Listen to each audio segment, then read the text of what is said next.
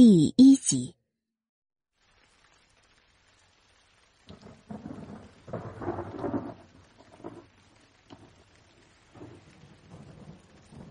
襄城，初春，天刚亮，一场雨将整个天地都笼罩在湿冷之中。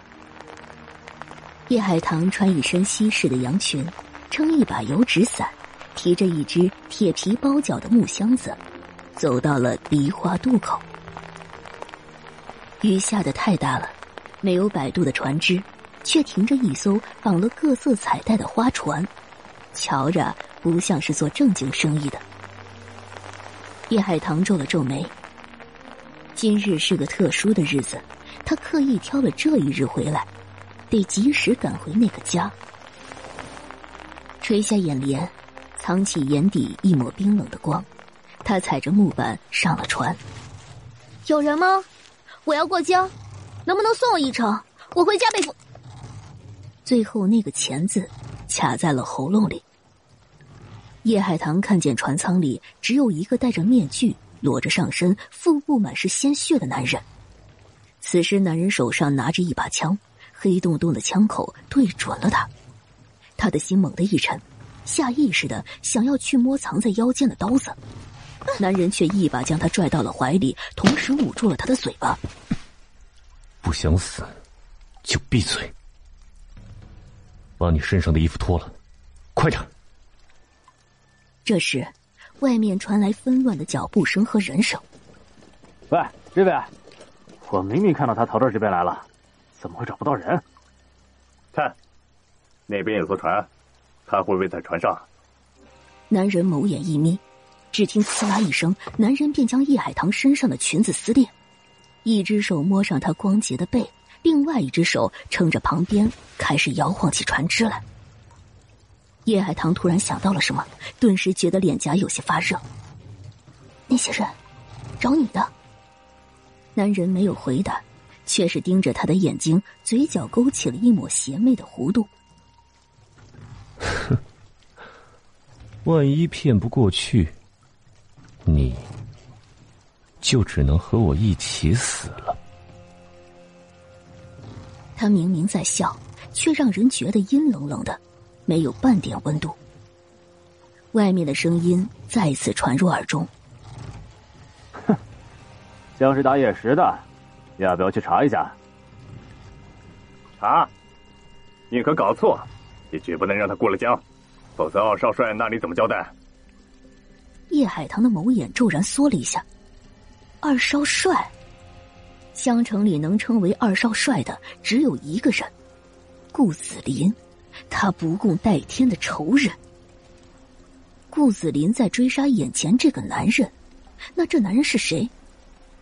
不管是谁，仇人的仇人就是朋友，帮了他，说不定对自己今后的计划还有好处。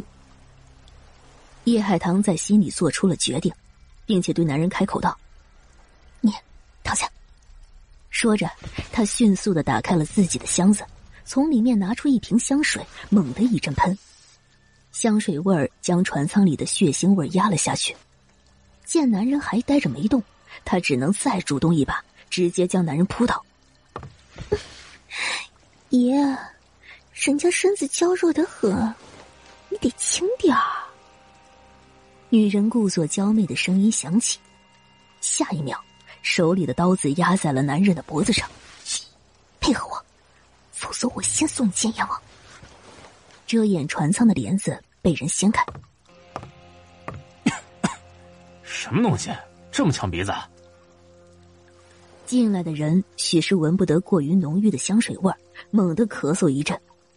叶海棠马上用另外一只手抓了一个杯子砸过去。你怎么随便上别人的船？还懂不懂规矩了？就算是要花钱快活。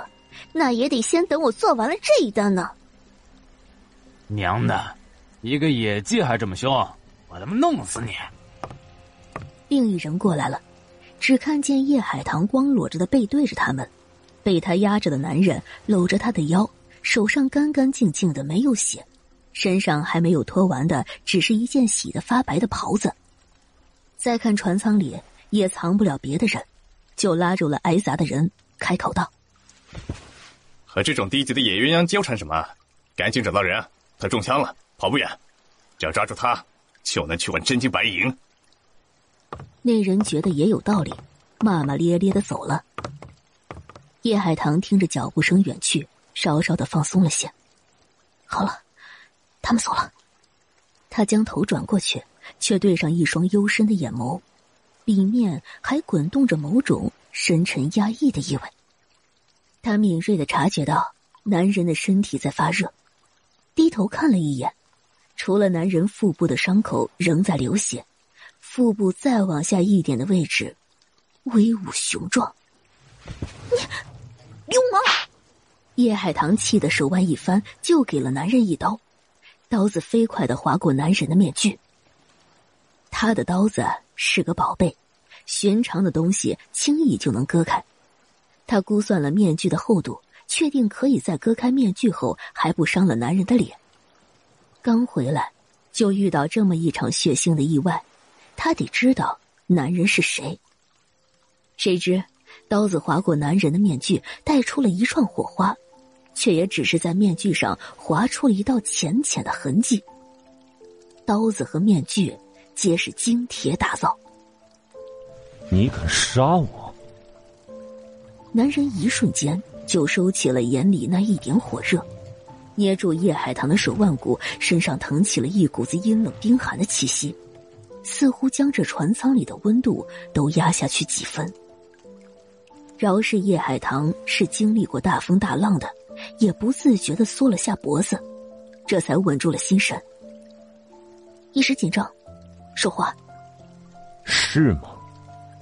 男人手上用力，疼得叶海棠皱了下眉头，不满的开口道：“我刚才可是救了你，你可不能恩将仇报。”叶海棠一边防备着男人发难，一边打量他。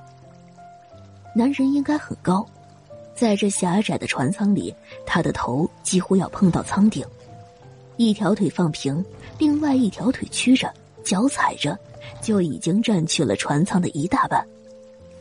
他将大半张脸都藏在面具下，露在外面的黑眸里眯着深邃的冷光，薄唇抿紧。那过于强大的威压，像是随时都能压下来一场让人无法承受的惊风血雨。这个男人，一看就是个不好惹的。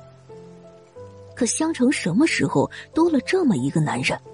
竟可怕的像是从地狱里爬回来的。想到这里，叶海棠的心却忽然疼了一下。他自己，又何尝不是从地狱里爬回来的？你是谁？你又是谁？哼，有趣。男人松开了叶海棠的手腕，却趁着他一瞬的乏力，夺走了他手上的刀子。我倒是不晓得香城什么时候多了你这么个有趣的小东西。他将那刀子在手里把玩着。小东西，坏了我的事，你说该怎么赔啊？叶海棠眼里浮起一抹疑惑，他什么时候坏了他的事儿？今日江上大雾，如果你没钻进来，我的船已经开进了雾里。你缠住了我，给了那些人追过来的时间。江边水浅，再开凿，引人怀疑，稍懂水性的人都能追上。如果他不上船。这一场相互威胁的较量就不会有。男人轻身上前，冰冷的刀子贴在叶海棠的左脸上。一只狡猾的猫儿，爪子倒是厉害。你可知，还从来没人敢把刀子压在我的脖子上。叶海棠收住了呼吸，男人的视线。落到了叶海棠的脸上，嫩嫩白白的，皮肤也很细腻。往下挪到了那抹红唇上。听说女人的唇都很软。他忽然动了，凑过去在叶海棠的唇上咬了一口。嗯，果然很软。你叶海棠又想给这男人一刀子，可手里没了武器，就准备抬起巴掌打过去，男人却又退开了，钻出船舱，背对着叶海棠打起了桨。小船晃悠悠的，很快就开进了浓雾之中。叶海棠盯着男人的后背，他的那把枪被他随手放在了旁边。只要自己动作足够快，就能够拿起这把枪打爆他的脑袋，然后将他推入江中。第二集，这念头划过叶海棠的脑子，被他掐断。男人的嘴角勾起一抹凉薄的弧度。那只猫儿想杀他，他给了他机会了，可他没动手。男人回到了船舱。我受伤了，需要处理。你若是怕见血，就背过身去。话落，他已经翻出他自己的外衣，从里面摸过了一包洋火，擦的一声点燃船舱里的油灯，将叶海棠的刀子放在火上烤了烤，就往自己的伤口处下刀子。一刀子下去，血溅了出来。叶海棠没动，那血就飞到了他的脸上，他的脸色蓦的就不好了。我来。叶海棠上前拿过刀子，男人竟然也让他拿了。男人下刀子够狠，他下刀子却是干净利落，几刀子下去，皮肉割开，子弹就挖了出来。将刀子和子弹都扔到了一边，叶海棠从自己的箱子里拿了一个医药包。递给了男人，这里面东西齐全，你自己善后。你会医术？我念过医学。男人没再多问，只将东西拿了过来。还算有点本事，只是和男人的那种事，还得再学学。等我伤好之后，可以再教你。太假了，也就那几个草包没看出来罢了。叶海棠的脸顿时一僵。若不是这个男人深不可测，怕他发难，也不想多一个敌人，他就该拿刀子割了他的舌头。女人。男人伸出沾满血的手指，指了指叶海棠身后的箱子。换衣服。不用了，我这样也挺好的。叶海棠哪里愿意在这个男人面前换衣服？想让我和你浴血奋战？男人的视线落到了叶海棠的身上，破碎的衣裙遮不住她白皙细嫩的肌肤，眸光又深沉起来。虽然你身子瘦了些，恐怕经不起我折腾，养养再用会更好。不过我今儿受了伤，倒是使不了那么大的劲儿。不然，我换衣服。马上就换。叶海棠拿了衣服就往自己的身上套。脱了再换。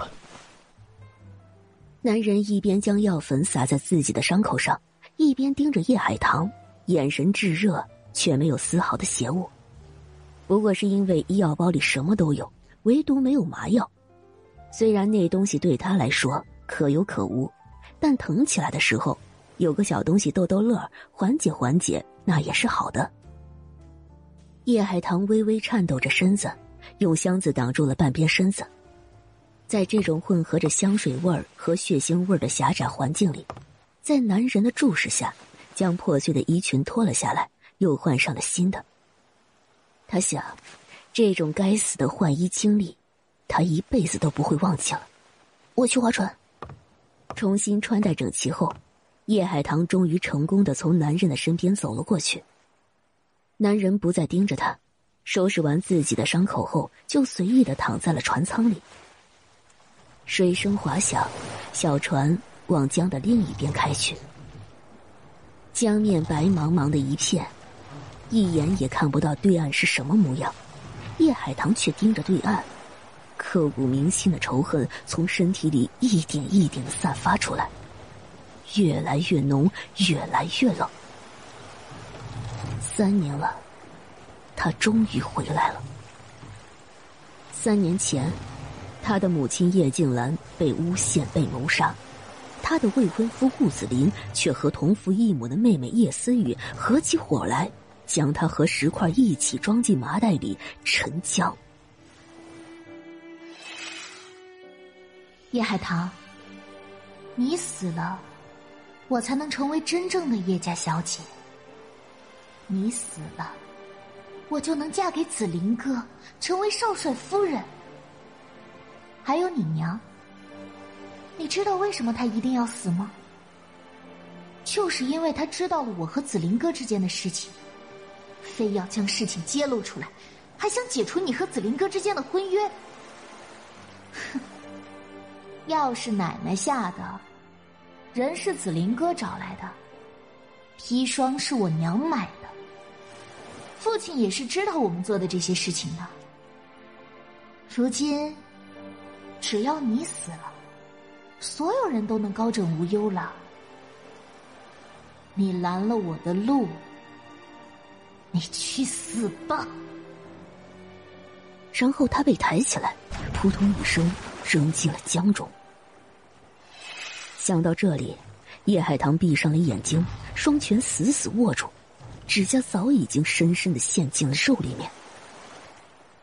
男人处理好伤口，转出船舱的时候，发现船已经到了江心。他看向叶海棠，马上就察觉到了他的不对。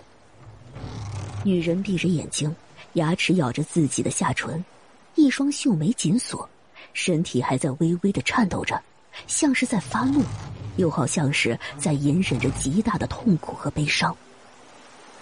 男人的眼眸眯了眯，也说不上是什么感觉。就是很不喜欢这女人这副姿态。敢一而再的对他动刀子的女人，就该张扬明媚的活着。一抬手，被他拿在手上的大衣就扔到了叶海棠的头上。叶海棠猛地睁开眼，下意识的将大衣拿下来，就听到男人开口说道：“大白天的，打什么瞌睡？衣服穿上。”男人再上前一步，盯着叶海棠的眼睛。你身子娇弱的很，江上风大，湿冷，回头若是病了，该怪爷不懂得怜惜你了。身子娇弱，这分明是将他之前情急之下说的话还给他了。叶海棠一头黑线。过了江心，顺风顺水，倒是也不用划了。让船自己走吧。男人又不由分说的将叶海棠手里的桨拿走。他的大手似乎是无意识的碰到了叶海棠的手，本来被江风吹得很凉的手上，蓦然传来一阵温热。叶海棠猛地缩回了自己的手。躲这么快做什么？我会吃人吗？男人不满的扫了他一眼。叶海棠不说话，却已经从回忆里挣扎了出来。瞧见叶海棠这么一副默不吭声的模样，男人心里莫名的腾起一股子脑意。他伸手在自己的裤兜里摸出来一条项链，犹豫了一下，塞到了叶海棠的手里。别哭了，拿去。听说女人难过的时候收到礼物就会开心起来。这条项链特殊。但这女人也算是救了我的命，算了，就她了。反正这条项链原本的主人已经死的连骨头都没剩下了。叶海棠觉得手上一凉，是一颗偌大的明珠，圆润温和，连着一条细细的链子，显然是女人用的东西。这男人怎么随身带着女人用的东西？叶海棠下意识的想：不会是别的女人送给他的吧？我不要。他想将东西推回去。我也没哭。心在哭也是哭。男人望着那项链我母亲的遗物，她难得有几样好东西，别的都被抢走了，就这一样，被他藏了起来。去世之前给了我。算了，我和你说这些做什么？叶海棠的心情有些复杂，不知是因为这男人明明给人的感觉阴冷至极，竟能说出“心在哭”这种充满关怀和温情的话来，还是因为男人竟然要将他母亲的遗物送给他。既然是你母亲的遗物，你又随身带着，定然是一直当做念想的，那我就更不能要了。叶海棠说着，就将链子递回去。让你拿着就拿着，哪儿那么多废话？我不喜欢欠别人的，你救了我，就算是我还的。我身上也没有别的东西给你。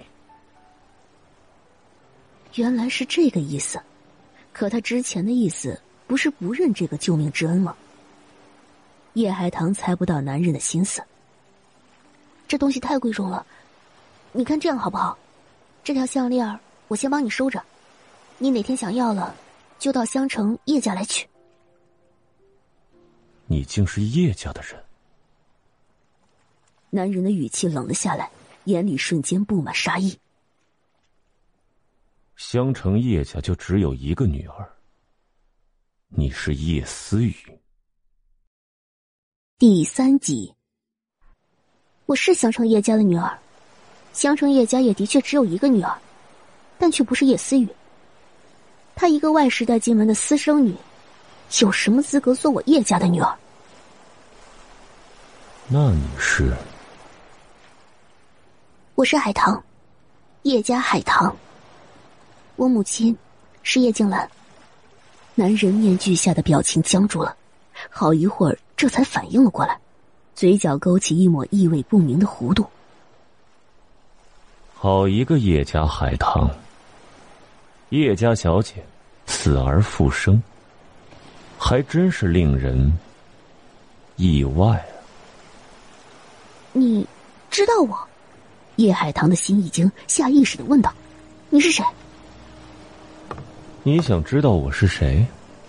男人上了前，目光灼灼的盯着叶海棠。你想干什么？干什么？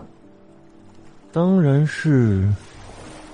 男人忽然伸手，捞起叶海棠耳边散落的一缕青丝，用刚刚一直拿在手上的医用小剪刀，咔嚓一声剪断，将剪刀塞在了叶海棠手里，却当着叶海棠的面把那缕青丝打了结，放进了自己的胸口。不是放在衣服的口袋里，而是放在了衣服里面。贴着他的皮肉，你收了我的东西，我也要收你一样才是。男人拍了拍自己胸口，就这个了。叶海棠能说他并不想收他东西，也并不想给他什么东西了？尤其是这种引人遐想和误会的东西。男人坐回去，顺手拿起那把似乎被遗忘了很久的枪。从口袋里摸出一把子弹，一颗一颗的装回去。叶海棠垂下了眼，那枪里面的子弹，竟是早就被他下了，幸亏他没有。一时之间，船舱里一片安静。叶海棠低着头想着事情，男人端坐着假寐，直到船靠岸的时候，男人才打开隔板，提出来一袋子东西，扑通一声扔进了江水里。那是什么？祭品，用不上了。男人转过身，竟是伸手抱了叶海棠一下，极为迅速的一抱。等叶海棠反应过来，他已经松开。我走了。好，你慢点。叶海棠其实是希望他快点走，再继续和这个气场强大又阴冷、性子奇怪又流氓的男人待在一起，他还真担心会出什么事儿。男人突然回头，小东西，莫要舍不得我，我们很快就会再见面。到时候，你会知道我是谁的。说着，他竟是笑了，拨开了那一层素冷，暖得像是冬日里的光，轻而易举的就渗透到人的心里去。他跳下了船，把绳子系在木桩子上，大步走远。等他的背影彻底看不见了之后，叶海棠回到船舱，将自己的箱子收拾好。他发现身上的外衣忘了还给他了。他将外衣脱下来，放在了箱子的最下层，却意外的摸到衣服里有东西。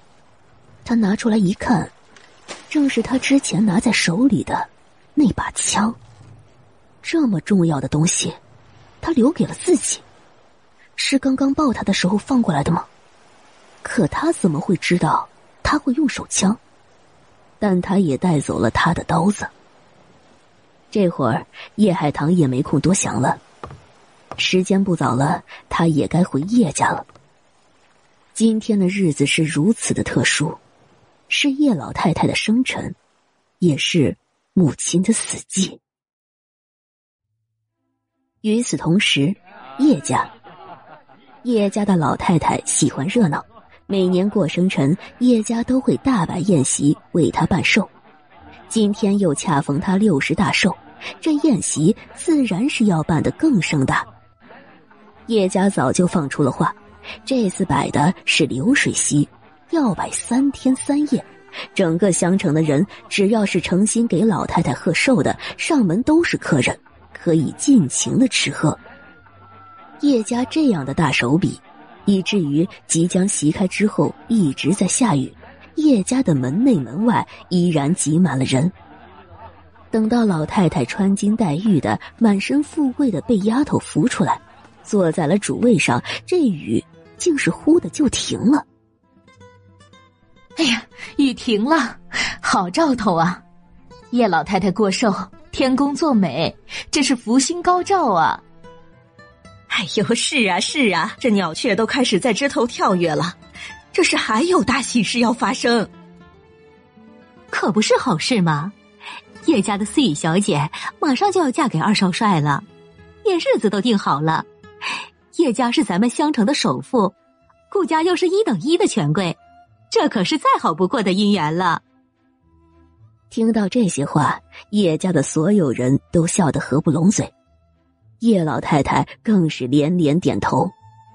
哈哈借各位贵客的福气，我叶家才喜事连连。这话音刚落，叶府在门外迎接宾客的管家急匆匆的跑了进来。老太太、老爷、太太，哎的。大小姐回来了，谁？这是说的谁回来了？管家好像说是大小姐，这不可能！叶老爷子叶远红、叶太太雷月香、叶二小姐叶思雨以及与叶思雨站在一起的顾子林异口同声的说道。一时之间，原本热热闹闹的大厅忽然就安静了下来。谁不知道叶家的大小姐三年前已经死了呀？孙管家，你胡说八道些什么？叶太太雷月香垮了脸，训斥管家：“你不知道今天是什么场合吗？竟然说出这种犯忌讳的话来！你是不是偷摸着喝多了酒，犯糊涂呢？”叶家的大小姐叶海棠是叶家的忌讳。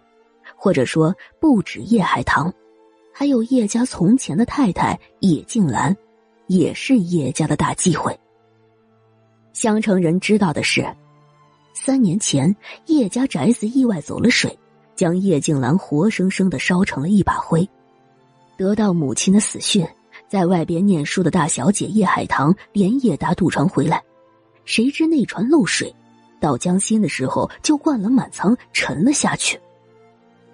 因着这叶海棠与顾子林是定了娃娃亲的，后来叶家和顾家都派了好些人去江里捞，可什么都没捞着，也就只能当他是死在了江里，尸体被鱼啃吃了干净。再后来，就出来叶家与顾家的婚约继续，只是婚约的双方变成了叶二小姐叶思雨和顾子林了。不过，叶家内宅里。还有另外一种不光彩的传言，说叶静兰其实是自杀的，因着她偷了野男人，被叶老爷当场抓了奸，叶老爷要休了她，她觉得没脸，这才寻了死路。叶家是为了遮掩这丑事，逼不得已放了一把火。太太，今日是大日子，我哪敢喝酒啊，也不敢胡说八道。管家抬起衣袖，擦了一下额头上的冷汗。我看的真真的，的确是大小姐回来了呀。就在这时，厅外二道门那里果然传来一个叶家人熟悉的声音：“父亲，女儿回来了。”众人纷纷往那边看过去，只见一个模样清瘦的姑娘，穿一身西式的白色洋裙，裹着白色的大衣，头发半扎半披，烫着卷儿，脚下踩着一双白色的小皮鞋，左手上一把油纸伞，右手提着箱子。说不出的清丽脱俗、优雅时髦，比画报上去国外留学归来的美女还要让人惊艳好几分。只是，她这一身的素白，头上竟然还别了一朵白色的纸花，再撞上这满堂的红，一下子就将人从热闹里拖到了阴凉的感觉中。有些胆子小的女客吓得将身子都往后缩了缩。进了门，叶海棠就放下了箱子，扑通一声跪了下来。没等叶家人反应过来，他已经把头磕在地上，咚咚咚的三声响，然后声音颤抖，双眸满含泪水：“奶奶，父亲，海棠回来了。今日是母亲的忌日，海棠本该先去拜祭了母亲，可今日也是奶奶的六十大寿。”海棠既然已经回到了香城，想早点见到你们，也想着给奶奶贺寿，就就回来了。奶奶，父亲，海棠在外面流浪了三年，自从想起了自己是叶家的女儿，就无时无刻的不想回家。第四集。哎，我认识叶家大小姐，这就是叶家大小姐，还真是情事一件。我从前也见过叶大小姐，女大十八变，这叶大小姐是越来越好看了。没想到啊，这人都死了还能复活。我看不是奇事儿，这是喜事儿啊！刚刚还说了叶家要喜事儿连连呢。三年了，叶家大小姐还能好好的回来，这不也是大喜事儿吗？说这话的人显然不知内情，也没有注意到叶家人很不好的脸色。哎，那他怎么穿着一身白啊？你没听他说吗？今日除了是叶老太太的大寿，还是叶太太的死忌。叶家太太不是在堂上吗？怎么还有个叶太太？哎呦，你们是刚搬到襄城，不知道叶家的事情。如今的这个叶太太，那不是真正的大太太，只是姨太太。叶老爷大喜啊！今儿老太太过大寿，嫡亲的大姑娘又回来了。这叶家往后啊，会是越来越好的。不明内情的宾客再一次抬高了声音喊道：“叶远红依然没有从莫大的惊吓中反应过来。”倒是叶老太太见着宾客们的反应，忙压着心里的情绪走了出来。海棠，真的是海棠回来了吗？这怎么还跪着呢？快快起来，让奶奶看看。他当然不会去扶叶海棠，但是样子却做的十足。你这孩子。一失踪就是三年，既然活着，怎么一点音讯都不给家里边啊？这到底是怎么回来的？你一个小姑娘家，在外面是吃了多少苦啊？哎呦，真让奶奶心疼啊！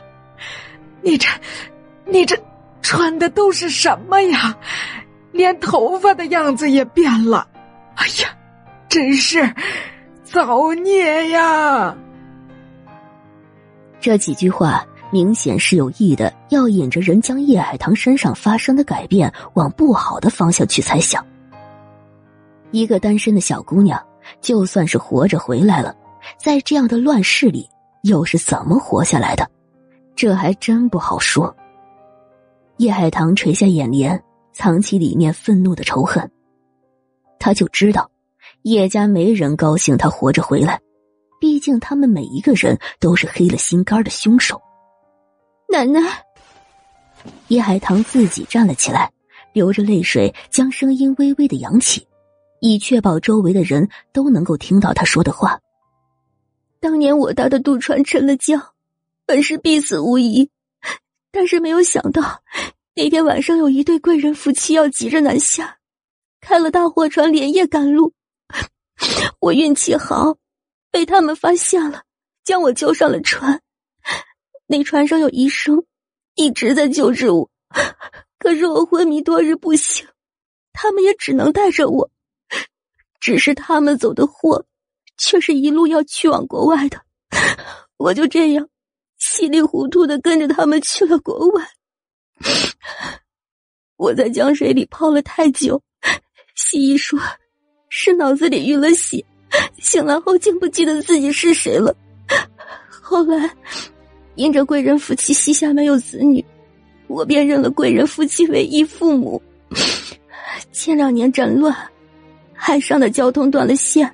也不好回来寻亲，我就留在了国外，一边念书，一边跟着义父母学做生意，直到最近，我才终于想起来自己到底是谁。航线也通了，我就迫不及待的回来了。这恶毒的老太太是想让人以为她是靠着在外面卖，或者是给人做姨太太之类的活下来的吗？可惜，他还真是有大造化，遇到了义父母，不仅没有吃苦受罪，还学了一身的本事。三年前，他们为了掩藏自己的罪恶，给了他一个死法，如今正好让他用这一套说辞，重新的、更尊贵、更耀眼的出现在了世人的面前。早三年，就算是身为襄城首富的叶家，也拥有不了打着自家记号的货船。更何况是走货出国。叶海棠认下的义父母，那不仅是大富之人，定然还有通天的人脉和势力。跟着他们学做了生意，又喝了洋墨水的叶海棠，哪里是造孽？这是披着一身金光回来了。天啊！叶大小姐竟然是出国回来的人，难怪我瞧着她灵气十足，贵气逼人呢。哎呦，坠了江还能有这样的造化？叶大小姐真是大难不死，必有后福啊！叶大小姐是大富大贵之人，说不定这以后整个叶家都要靠着她更上一层楼。叶老太太脸上的表情差点就挂不住了，她非但没将宾客们对叶海棠的议论压下去，还让他们将叶海棠捧上了天。奶奶。叶海棠主动抓住了叶老太太的手，明显的感觉到叶老太太的身体僵了一下。海棠想起了自己的身份，可是还有好多好多的事情都想不起来了。母亲去了，如今海棠也只有你们这几个亲人了。你是说，你忘了一些事？哎。那你还记得你母亲是怎么去的吗？知道，我回来之前，姨父母托人帮我查了一些资料。我母亲命不好，夜里走了水，被大火给给带走了。可我竟是连他最后一面都没有见到。如今都三年过去了。我真是大不孝。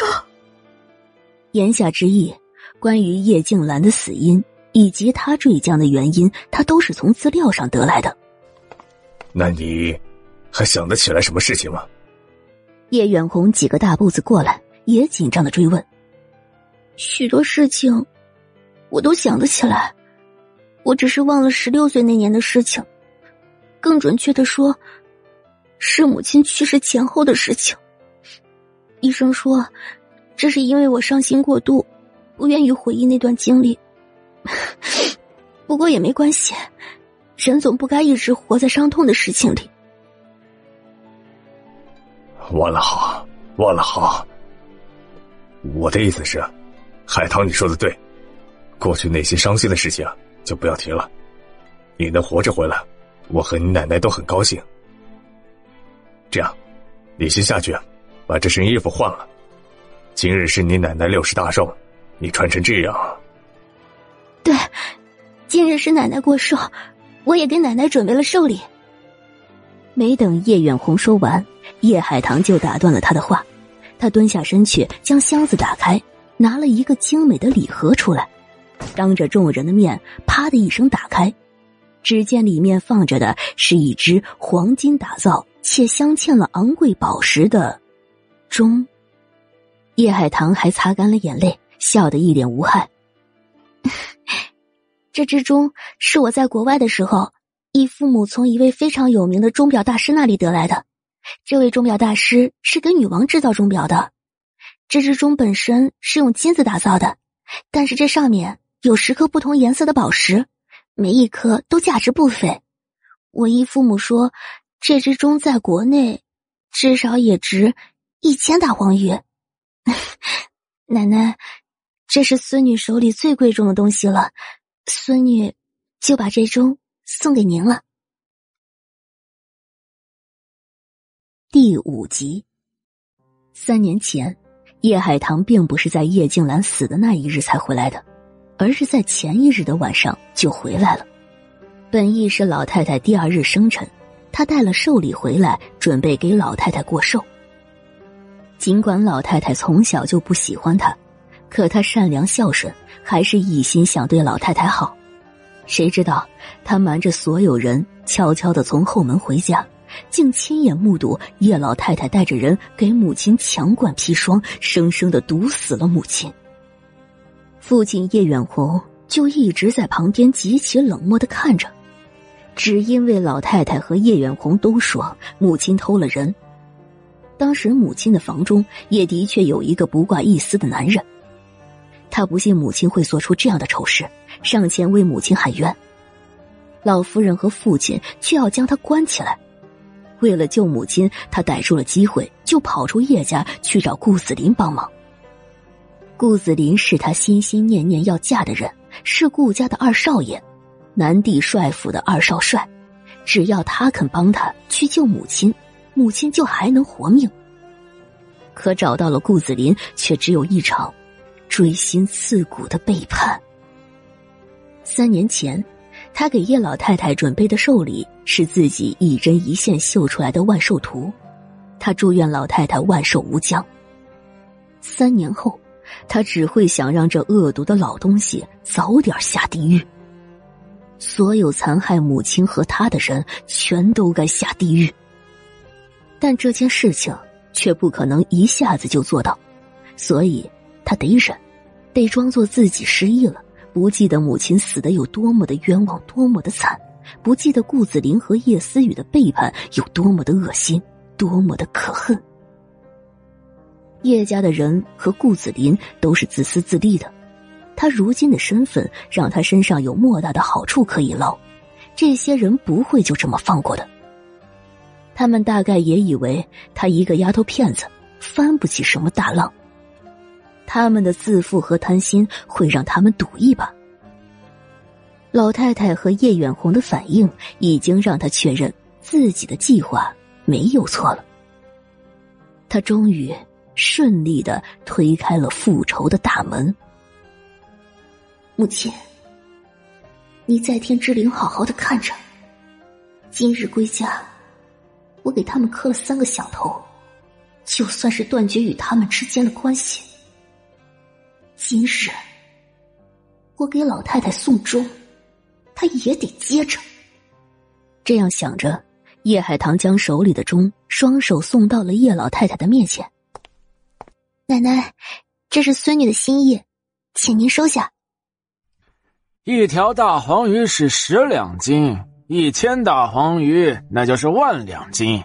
叶大小姐送给老太太的，至少价值万两金的寿礼。这可是好东西！哎，你们看那上面的宝石，那么大，那么亮，我可从来没见过这么好看的宝石。是国外女王的御用大师做出来的东西呢。国外的女王，哎，那就是旧时候的皇帝，那不仅是值钱，还贵重的很。如今的洋玩意儿都值钱的很。宾客们全都盯着叶海棠手里这只华丽的小钟，伸长了脖子往前挤。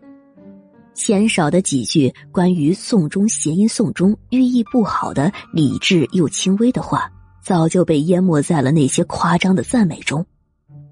谁不爱钱？如果能拥有那么大的一笔钱，一点不好的意头算得了什么？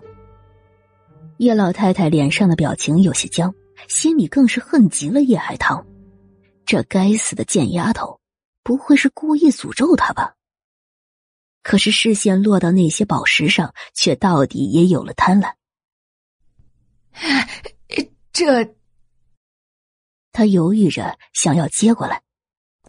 叶海棠，你竟然给奶奶送钟，你好歹毒的心思！就在这时，早就忍不住了的叶思雨冲了过来，指着叶海棠的鼻子就骂。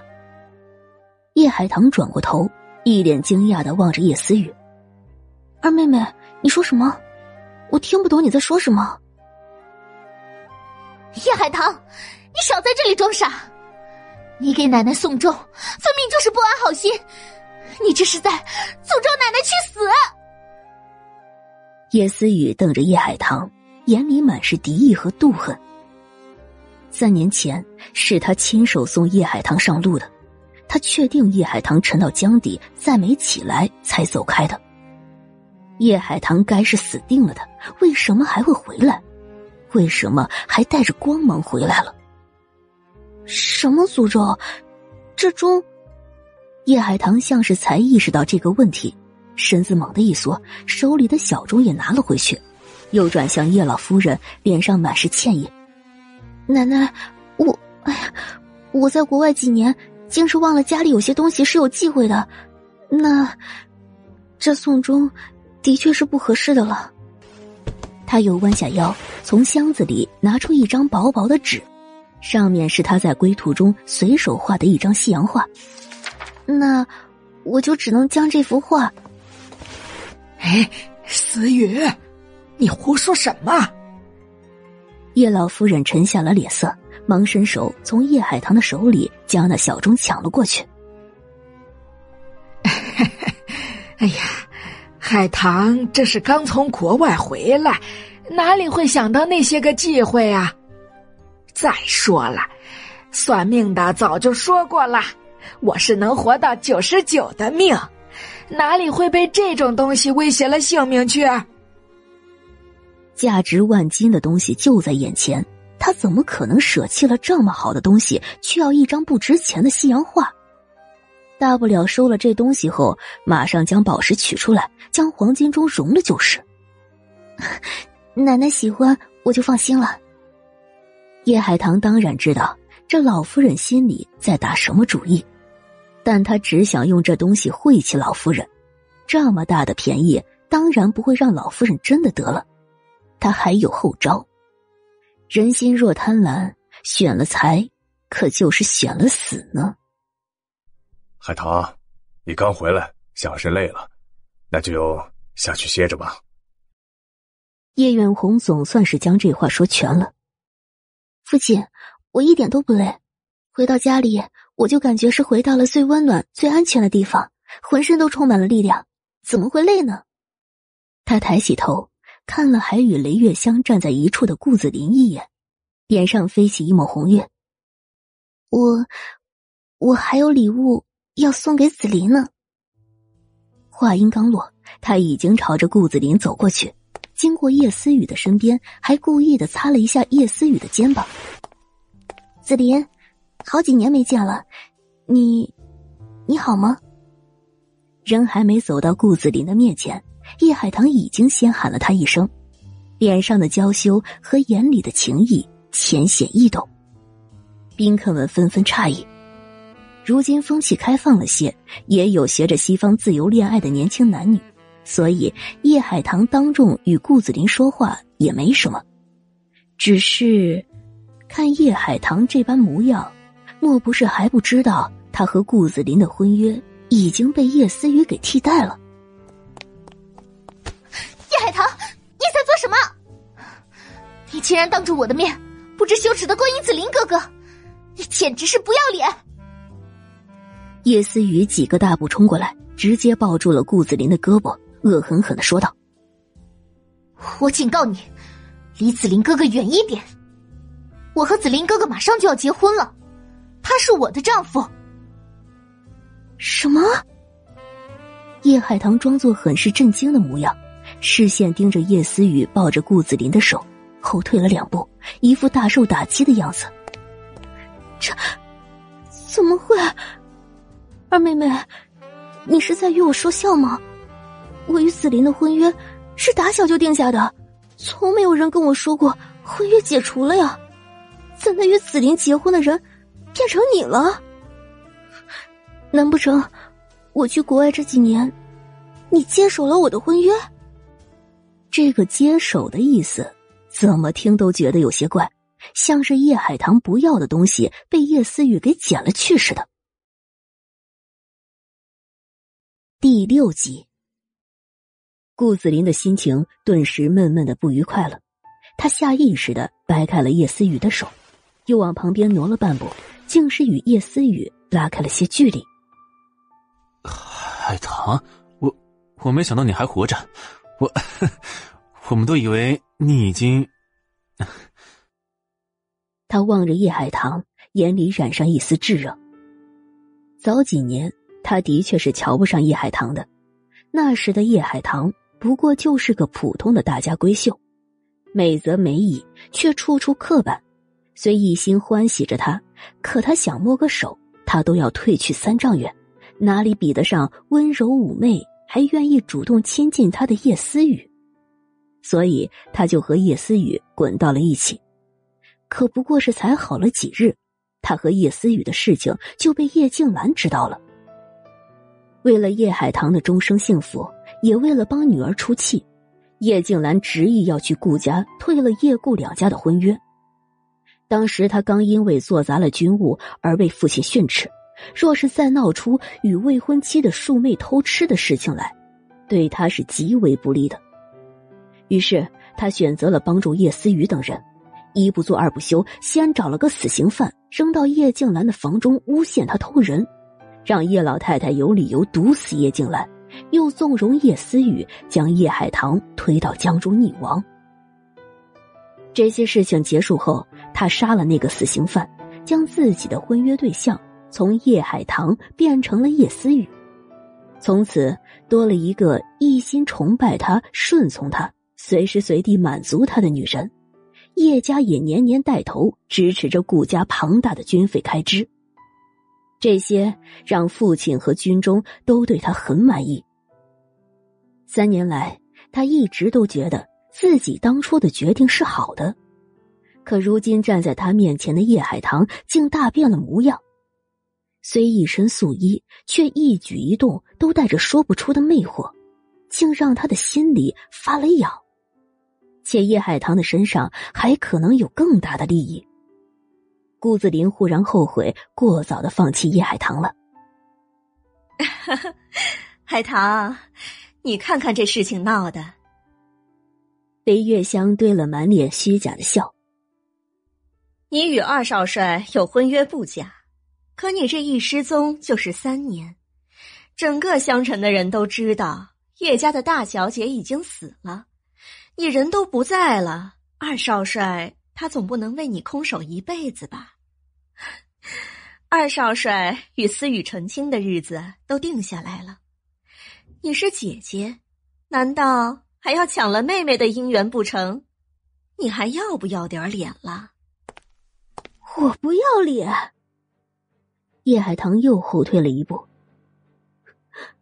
如此说来，倒全都是我的错了，怪我不该坠江，怪我回来的晚了，便也只能被迫接受我的婚约被二妹妹接手了的事实。叶海棠红了眼睛，看着周围的人：“姨娘，你也不必如此的惊慌。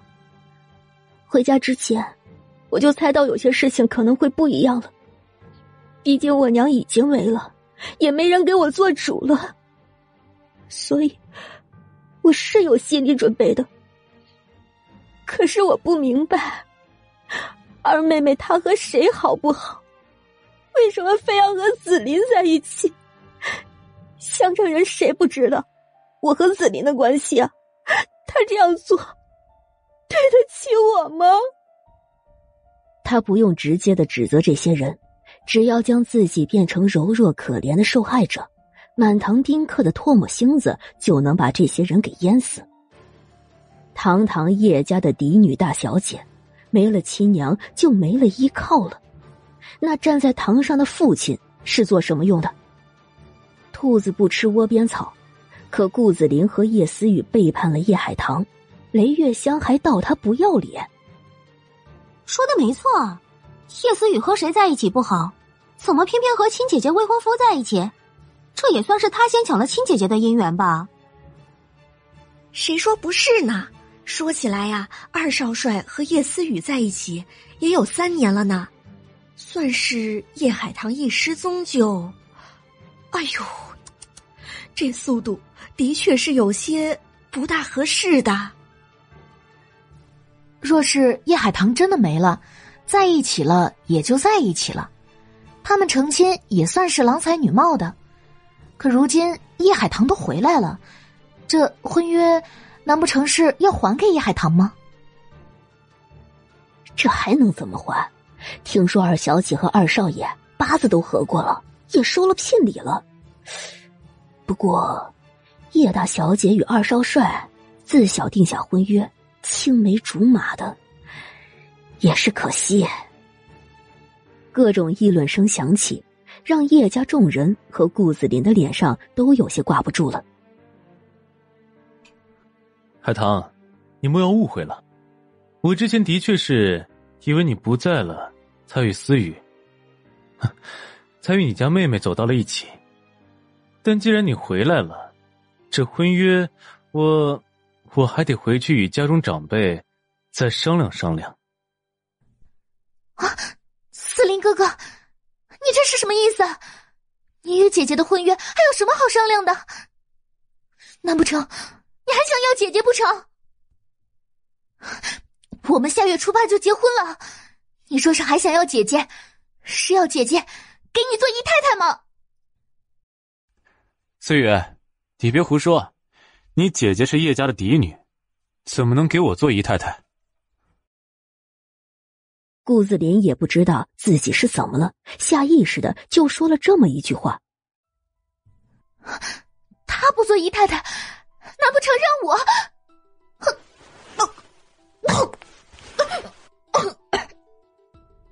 叶思雨想到某种可能，整个人都变得很不好，他的脸色猛地沉了下去，想要发作。又不知是想到了什么，生生的压了下去。他一头扑进了雷月香的怀里，却是一阵听得见声响的干呕。哟，这叶思雨是怎么了？瞧着这动静，怎么像是有了？人群里，一个妇人说了一声，将很多人的目光都吸引了去。有了。叶海棠的身子抖了抖，一副大受打击的模样。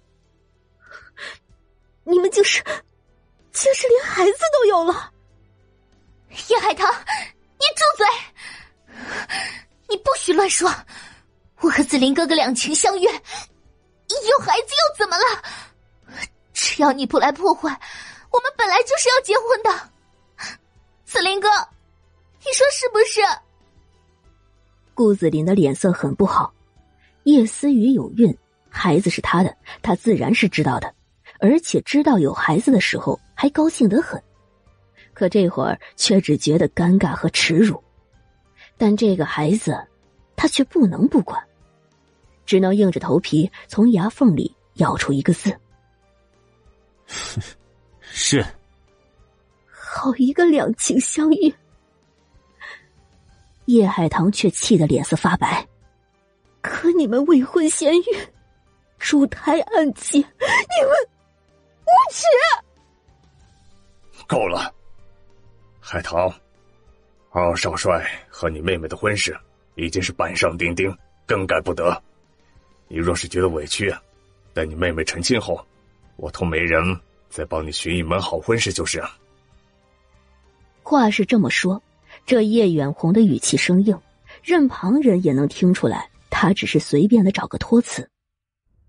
叶海棠抬起眼睛看向叶远红，眼眶里弥漫着一层水汽。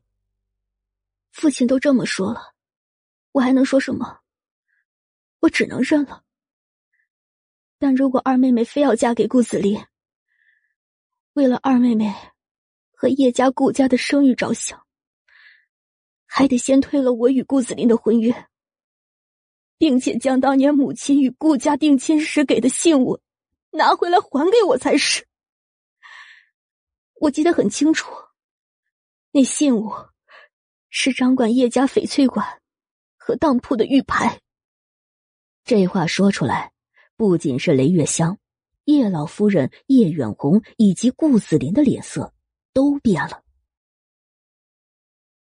第七集，早些年，叶静兰是少有的以女子之身实业经商的能人，叶家的产业遍布襄城及周边的大小城，累计的财富自然是比一心走军政之路的顾家。要多得多。顾家当年与叶家定娃娃亲时，多多少少的也都有看叶家财富之意。为了女儿以后能在顾家过得好，叶静兰将叶家当时最赚钱的翡翠馆和一本万利的当铺给了顾家。顾家送过来的不过是一套还算值钱的首饰。如今这翡翠馆和当铺在顾家手里多年，依然是顾家主要的收入来源。叶静兰去世的这短短三年，因为叶远红并不善经商，原本枝繁叶茂的叶家却枯了一层叶，只是被叶家人掩藏着不被外人所知而已。但叶老太太和叶远红都没慌，他们认为，只要将叶思雨嫁给顾子林，凭借着顾家的权势。他们富贵安稳的日子怎么都不可能倒了，所以他们打算将这翡翠馆和当铺化作叶思雨嫁妆的一部分，去讨好顾子林，讨好顾家，自然就不会提什么信物拿不拿回来。谁能想到叶海棠一回来就扔出这么大的一个雷？海棠，你你这是说的什么话？那翡翠馆和当铺，顾家掌管了多年，哪里能说拿出来就拿出来？你这不是为难子林吗？再说了，以后你妹妹嫁到了顾家，叶家、顾家都是一家人，还有什么还不还的？见顾子林脸色很不好，雷月香赶紧说了几句话：“姨娘，那玉牌代表的也不过是翡翠馆和当铺的经营权，地契什么的都还在叶家。”那就还是叶家的东西，况且这东西是和我的婚约绑在一起的，又关二妹妹什么事？不管二妹妹嫁不嫁，我的婚约要解除，这玉牌也必须要归还，否则岂不惹人闲话？但我可能要借着这玉牌与二少帅继续扯上关系，又或者二少帅不娶我，却还贪图我的东西。毕竟我刚回来，还什么都没做。二妹妹和姨娘就口口声声的说我要勾引二少帅，又或是说我抢妹妹的姻缘，不是吗？叶海棠，你住嘴！你也说了，翡翠馆和当铺是叶家的东西，老爷和老夫人都答应了，将翡翠馆和当铺的地契作为思雨的嫁妆带到顾家去。你一个刚回来的丫头片子，竟大言不惭的说是你的东西！雷月香最讨厌的就是自己姨娘的身份。自从叶静兰去世后，三年来叶家人都是称她一声夫人。可叶海棠这小妮子一回来就一口一个姨娘，真是把他给气死了。姨娘这个话就说的不对了，别人不晓得，你身为叶家的姨娘也不晓得吗？这叶家，我母亲是当家做主的人。母亲去了，我也没有嫡亲的哥哥弟弟。若是我没回来，这家里自然是父亲做主。可我回来了，这家里就该是我做主，叶家的东西就是我的东西。绑着我婚约的东西，我没同意，谁能动用？而且，说是我没有记错，当年姨娘在外面大了肚子，要进叶家的门，不管是父亲还是奶奶，还是姨娘本人，可都是与母亲发过毒誓的。不管姨娘肚里的孩子是男是女，都断然不会与嫡子嫡女抢东西。若是成亲、聘礼或是嫁妆。也都是姨娘自行准备。如今二妹妹非要嫁给我原本的未婚夫，我忍痛让了就是了。再要我叶家的东西做嫁妆，那就不好了吧？莫要忘了，你们的叶与我叶海棠的叶可不是一个叶。这话说出来，满堂皆惊。什么情况下家里的长辈都不能做家中的主？却要听命一个未出阁的女子。当然，只有一种情况：这家里的男人是入赘的，这家里的婆婆是借住的，这家中也无成年的嫡子。谁也没想到叶海棠会在这个时候将这种事情说出来。对叶远红和叶老夫人来说，这事情都二十多年没人提起了。他们自己甚至都忘了。顾子林的心情变得很是复杂。没有的事情，叶海棠哪里能拿出来说呢？那就是有了。叶远红竟然是叶静兰招的狼，那岂不是说雷月香是上门女婿养的女人？那他们生的女儿叶思雨就只能算是叶远红的私生女，一个野种。为什么从来没有人告诉过他这件事情？叶思雨是乖巧听话，可如果只是一个野种，他娶她，那不是自降身份，给自己增加污点吗？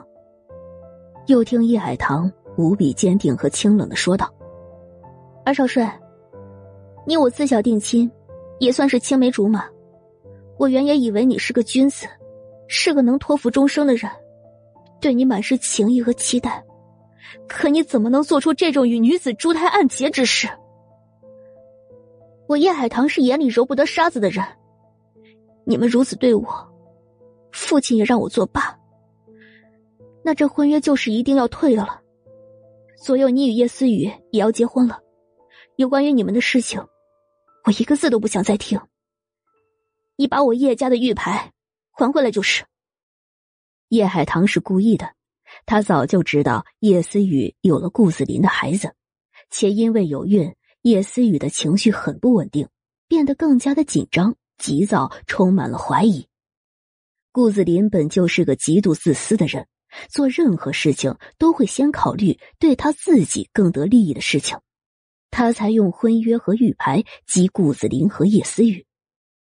本只想着将玉牌收回来，竟还有意外的收获。叶思雨因为担心他和顾子林重新扯上关系，竟不惜自己泄露了身孕之事。这么好的机会送到了面前，当然要好好的利用，让顾子林和叶思雨背上骂名，也让自己干净利落的抽身。海棠，不要胡闹！眼见事情超出了控制，叶远红忙上前呵斥叶海棠。你在国外这几年都学了些什么歪东西？一回来就逼着顾家还玉牌，那玉牌好还，翡翠馆和当铺的经营，你懂吗？这该死的丫头，竟敢当众曝光我上门女婿的身份，她一个丫头片子，还真能夺了家里的掌家大权不成？父亲，顾家肯把新物还回来就行了，至于什么时候还，我不着急的。叶海棠也不继续争，他知道这不是光凭着几句话就能争赢的。今日不过是先埋些种子，等日后一点点浇水发芽。顾家绝对不会贪图不属于自己的东西。海棠，你要的玉牌，我可以把玉牌还给你，只是那翡翠馆和当铺的转交，还需些时日。顾子林迫于场面，也黑着一张脸表了态。如果他再不表态，今儿就会彻底的没脸。只是这玉牌还了，他和叶海棠的关系就真的断了。若是从前，他巴不得这关系早断了，可现在，叶思雨为什么要在这个时候作呕？其实，如果真能如叶思雨所说。他能同时得了叶思雨和叶海棠。就在这时，门外却忽然响起了一阵鞭炮声，紧接着便听见叶家的下人喊道：“顾府大少爷到！”顾府大少爷，这是哪一位？该不会是是那位黄阎王吧？哎呀，嘘，你声音小点儿，敢直接说这个名号，你不要命了吗？天啊，是大少帅吗？早就听说大少帅回了襄城，一直也没露面，我还以为是假的，不想竟是真的，还还到叶家来了。不过啊，这叶家竟然与大帅府的大少帅、二少帅都关系密切，这可真是不得了啊！我跟你说啊，我有内部消息，听说那位有意把位置交给大少帅呢。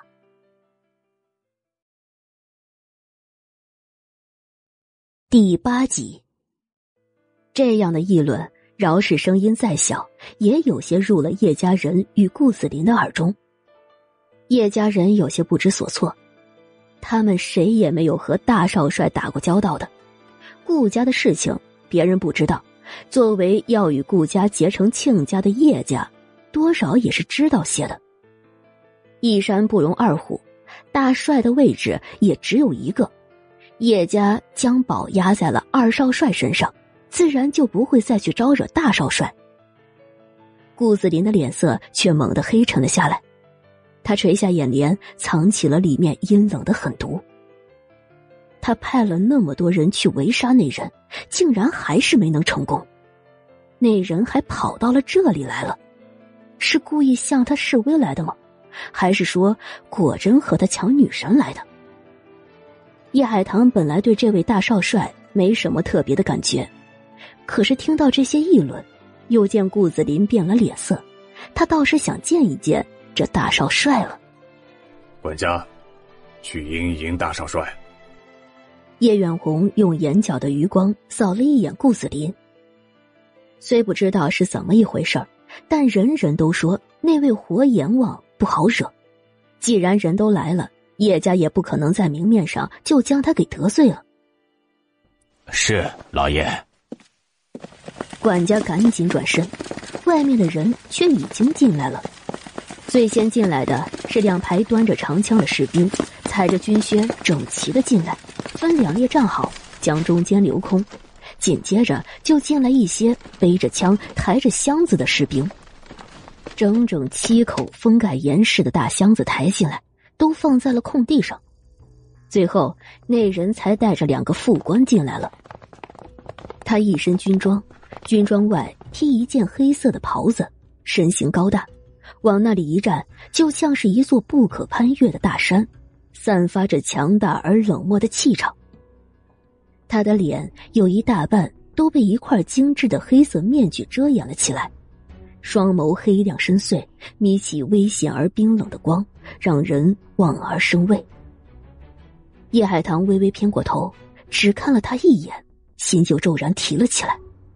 是他，顾府的大少爷，南地九省的大少帅，赫然就是刚刚与他分开没多久的男人。叶海棠在脑子里迅速将自己所知道的有关于大少帅的信息过了一遍。这位大少帅自然也是姓顾的，名廷君，是南帝大帅顾城中的第一个儿子，但他的母亲白萍却只是大帅府的二姨太，他既是顾府的长子，却也是庶子。白萍性子温软，又过于孱弱，早早的就病死了，没了娘的孩子没有依靠，更何况府里面的大房也有儿子，就是顾子林。是以，这孩子只九岁的时候就被送去乡下养，后来稍微大一点又去当了兵。从大头兵成为军中人人信服的顾大少帅，顾廷钧披着枪林弹雨，踩着鲜血和白骨，立下了赫赫军功，也留下了一个活阎王的名号。这么多年，他在外征战，从未回襄城，襄城人都传他相貌丑陋。性情残暴，甚至还有说他喜好喝人血、吃人心的。叶海棠悄悄的看了一眼顾廷钧，他一直戴着面具，莫非正是因为长得丑？其实，在船舱里的时候，虽然光线不太好，他也是瞧清过他的。他的身材很好，不说别的，光是腹肌都有八块，充满了力量。想是当兵的时候就练出来的。他的声音虽冷，其实也是好听的，就是说话忒流氓了些。不过他虽然一身痞气，却也没有伤害他。明明下船之前，叶海棠还想着最好以后都不要再见到这个男人，可是这么快就在叶家见到了，他竟也没有觉得他讨厌。当叶海棠再朝着他看过去的时候，却对上了他递过来的视线。看似寻寻常常的一眼，叶海棠却像是能够感觉到那里面的温度。叶海棠将头稍稍的偏向一边，心里竟是跳得快了几分。三年以前，他没有见过顾家的这位大少帅，那个时候他满心满眼的都是与自己有婚约的顾子林。一心盼着日子到了就嫁给他，又哪里会去关注一个从未归家的顾廷钧？更没有想到，这一回来竟还意外的救了他。难道这就是他说的“很快就会见面”？叶海棠收起脸上的惊讶，将身子悄悄的往后面缩了缩，想要降低自己的存在感。这一动作落在顾廷钧的眼里。却让他的心情忽然大好。小东西的反应愉悦了他，躲他，那就是在意他。顾廷钧手下的士兵已经就近的找了一张椅子放在了顾廷钧的身后，他坐下来，将身子一歪，颇有些慵懒的半靠在那张太师椅上，拿出了从叶海棠那里得到的刀子，竟是。用那把刀子一下一下的修起自己的指甲来。赵副官，做事。短短的五个字，清晰冰冷，狂妄又目中无人的态度，阴冷又强大的气场，让所有人都不由自主的收了声，压住了呼吸，甚至有些胆小的连抬头看他一眼都不敢。这便是顾家的大少爷，南地九省的大少帅，果真让人后背生寒，胆战心惊。大少帅，你……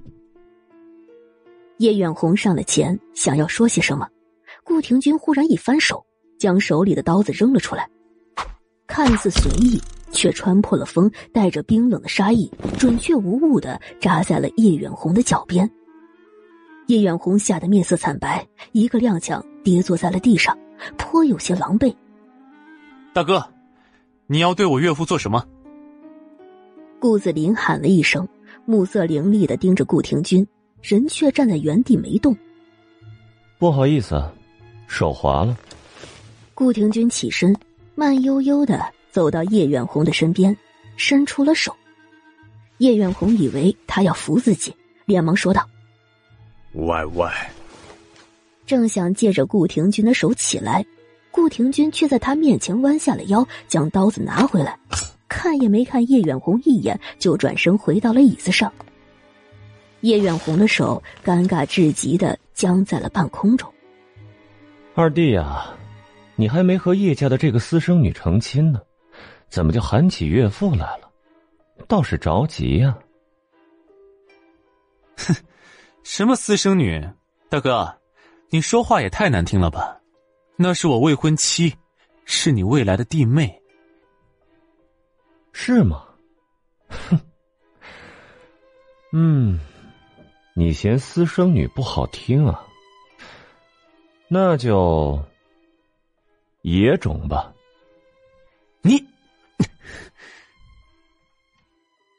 顾子林要不是顾及场合，他现在就想上前撕了顾廷君。顾廷君却丝毫不在意顾子林的愤怒，只拿口袋里的软布擦了擦那刀子，又继续修起了自己的指甲来。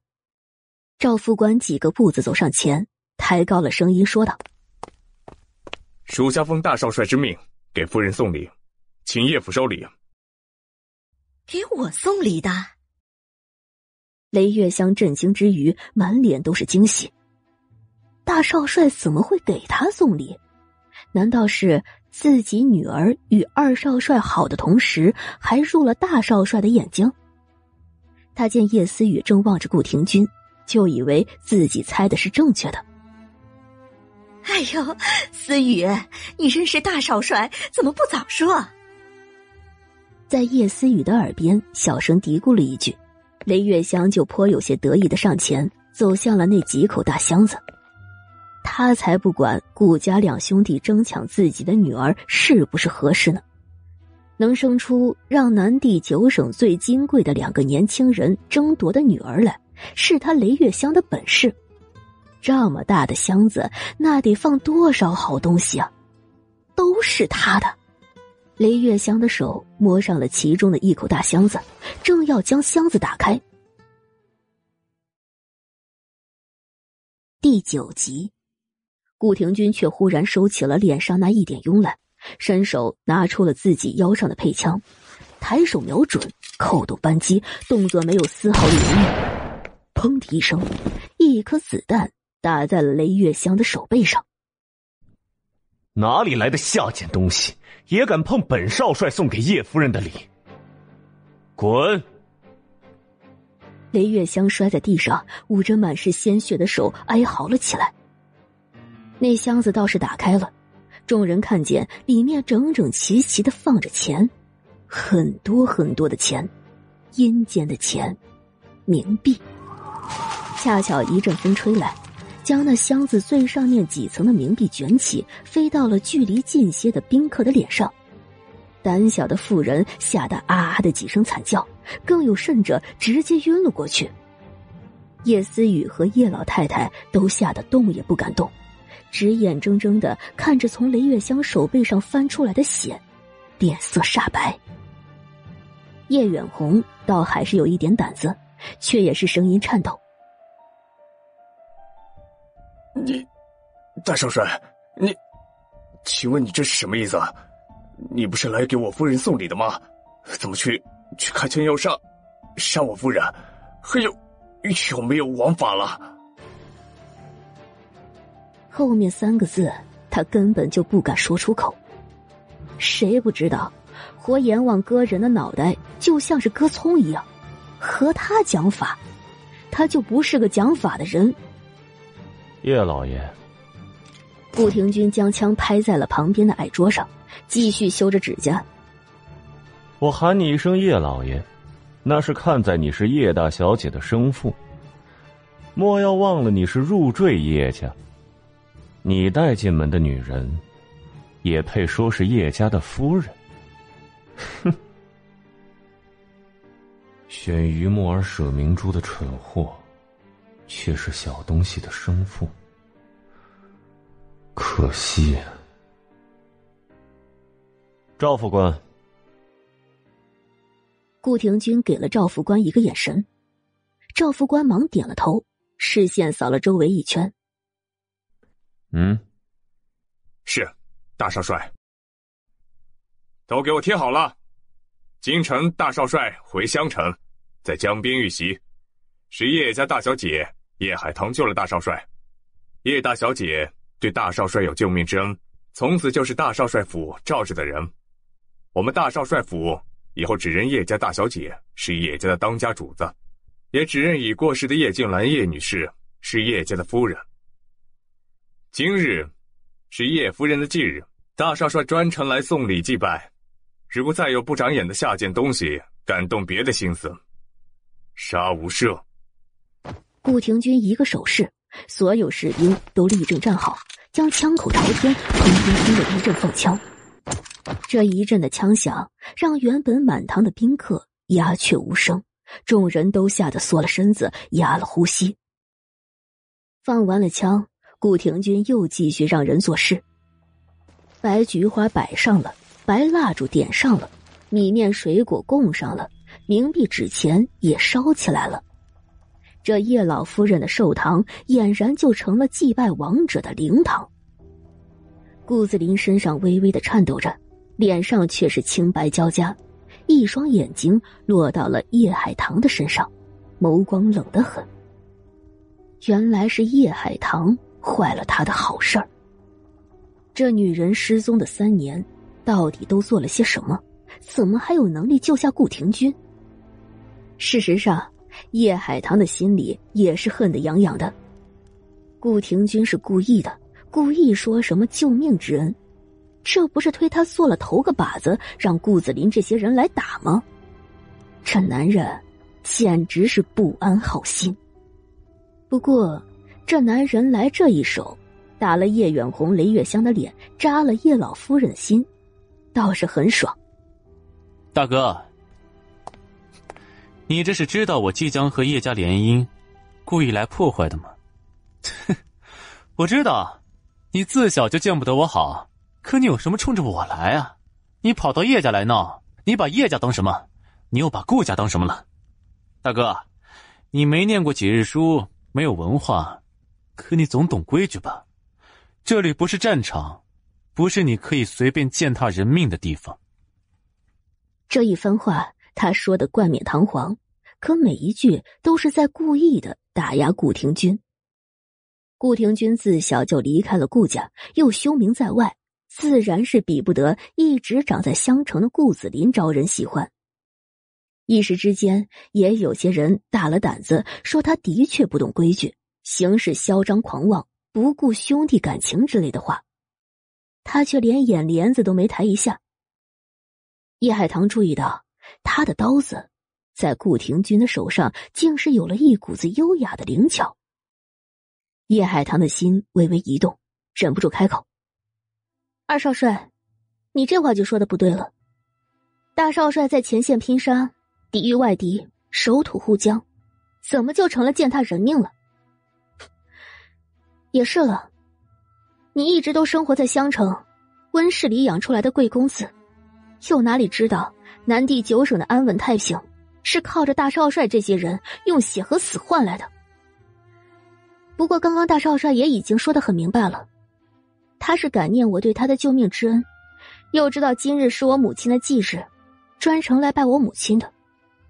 是我家里的姨娘不懂事，连阴间的钱都想要拿。这才被大少帅出手教训了，你却张口就说他是对付你来的，你这不是故意的欺负老实人吗？最后一句话成功的让顾廷钧手上的动作一顿。我顾廷钧是老实人吗？嗯，小东西说是老实人，那就是老实人吧。他将刀子放回去。对叶海棠开口：“叶大小姐，来。”叶海棠转过头来，触及他幽深的眼眸，却下意识的想要拒绝。要做什么？这男人的性子太不好琢磨了，他可不想轻易的上前被他给戏弄了。我瞧着你这张小嘴说出来的话尖锐的很，想是很气愤顾子林为了这个野种背弃了你。哼，来，过来我这边，我帮你消消气。顾廷钧的嘴角竟然还勾起了一丝丝的笑意，蛊惑力十足。明知道当着众人的面与顾廷钧太亲近不好，叶海棠却还是迈开了步子。他刚站在顾廷钧的面前，顾廷钧就拉住他的手，他连忙后退半步，想着要挣脱。顾廷钧却拽得很紧。躲什么？我刚修好了指甲，划不伤你的。他修指甲，难道是为了避免划伤他？叶海棠这么想着，心底又腾起了一点复杂的情绪。知道你归家，我去找了你父亲一趟。顾子林瞎了眼了，瞧不见你比那叶思雨的好，非要娶那个野种。你与他之间的婚约自然是要解除了的。两日后，你且带着当初的信物到顾家去，将叶家的玉牌拿回来。是顾家对不起你，顾家将银湾码头作为你的私产赔偿给你。这是相关的契书和凭证，你收好了。说完，他将几张盖满了印章的契书放在了叶海棠的手里。顾廷钧难得一口气说这么多的话，而且话里面还句句都带着对人的好意，这让他带来的几个副官都惊得看向了他。顾子林却瞪大了眼睛：“顾廷钧，说什么？你竟然把我的银湾码头送了出去！”叶家的翡翠馆和当铺，他根本就不想真的还给叶家。银湾码头更是这些年他和母亲手里最大的倚仗。顾廷钧竟然一回来就要让他损失惨重。哼，二弟，我是你大哥。陪着脸面来帮你处理一点事情也是应该的。顾廷钧的视线总算是落到了顾子林的身上。不过，你也无需跟我客气。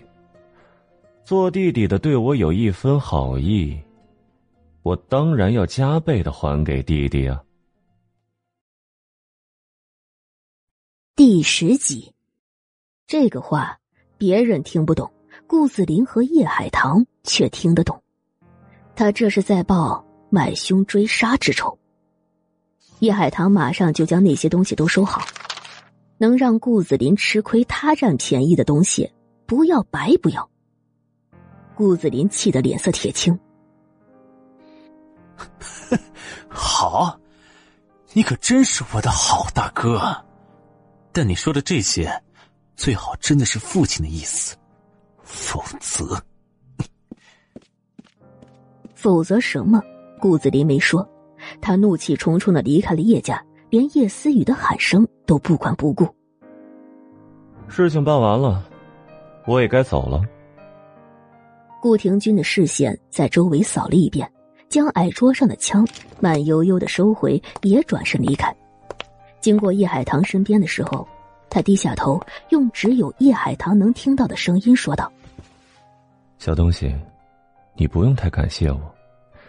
今晚给我留个门我会来找你的。”叶海棠的心猛地一跳，他晚上要来见他，怎么来？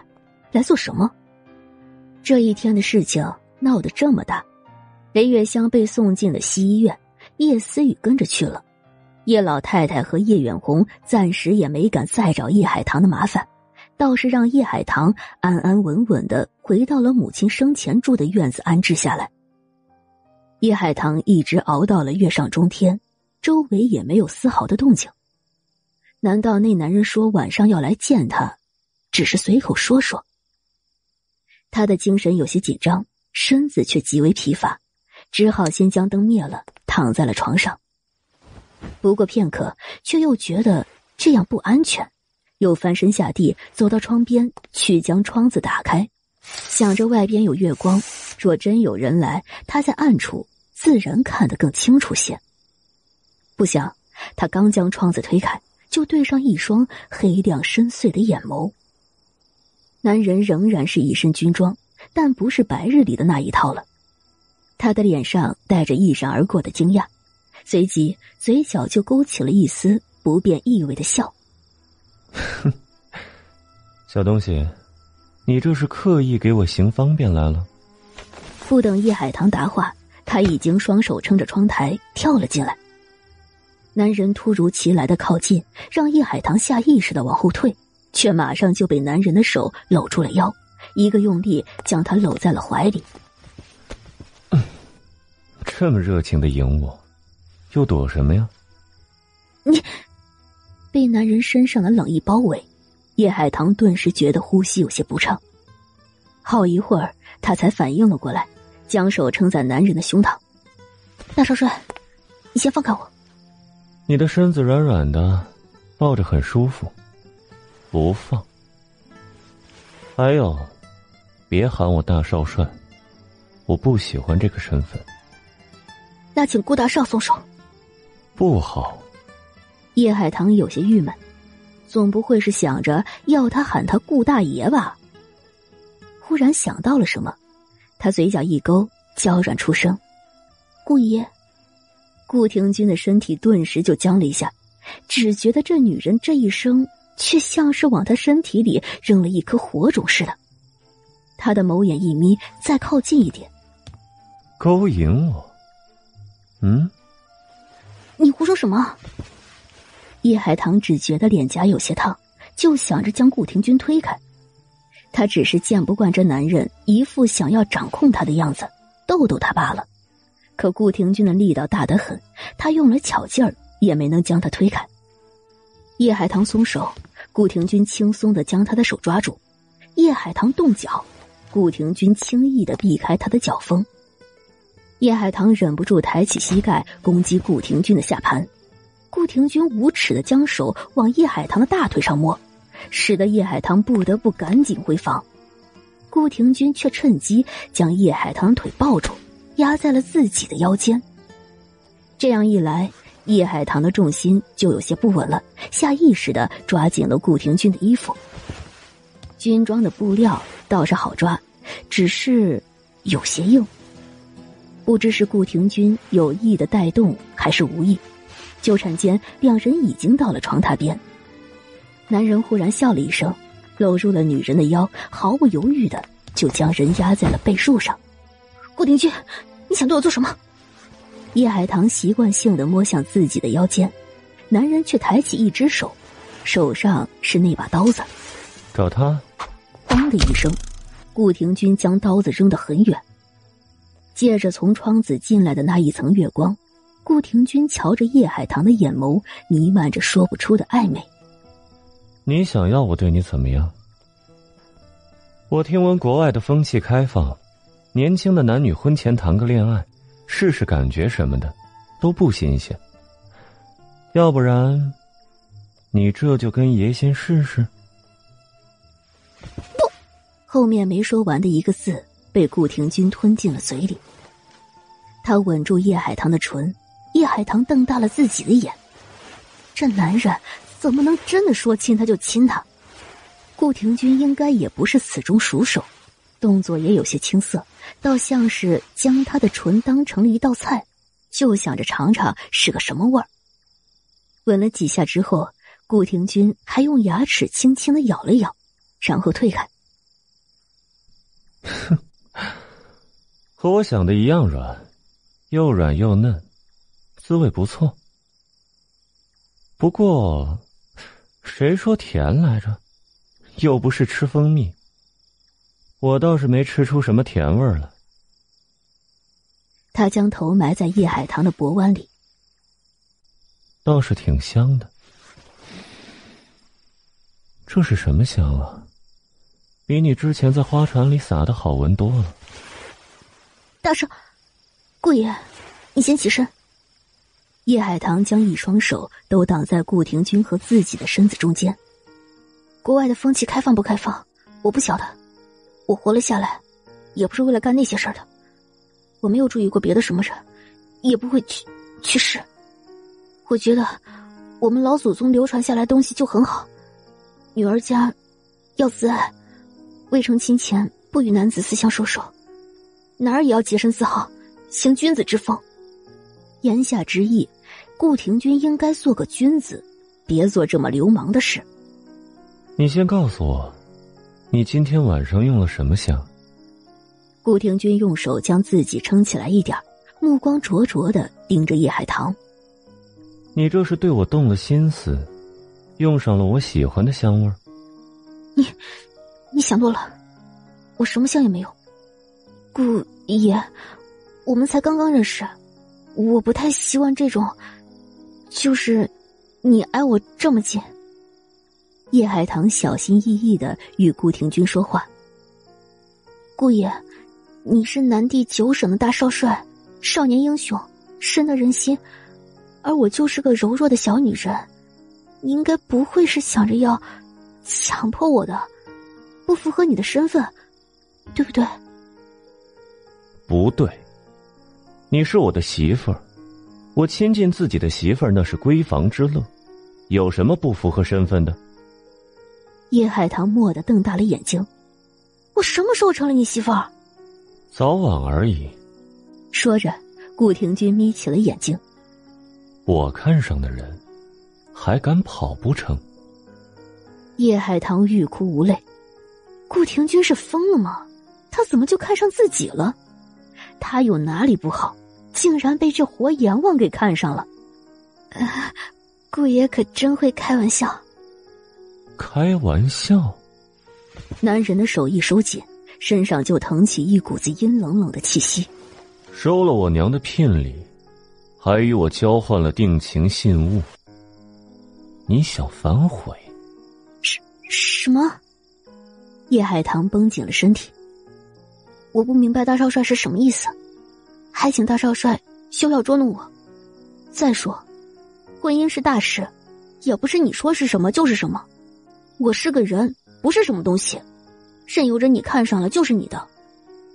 大少帅若是想威胁我什么？或许我也并不能反抗大少帅，但是我一定会恨你的。会恨他，这倒是有些麻烦。顾廷君沉了沉眼眸，耐着性子多说了几句。我母亲的遗物是要送给她无缘见面的儿媳妇的，我给了你，就是你的，我不会再取回来了。感谢小耳朵的收听与支持，本专辑是免费更新版。想要解锁收听本作品更多精彩内容，可搜索同名专辑《少帅夫人》，她又美又飒，VIP 快更版（括弧真的很快很快哦）。或打开本专辑简介，点击蓝字直达，一次听过瘾。第十一集，你收了我母亲的明珠，就是认了她做你的婆婆。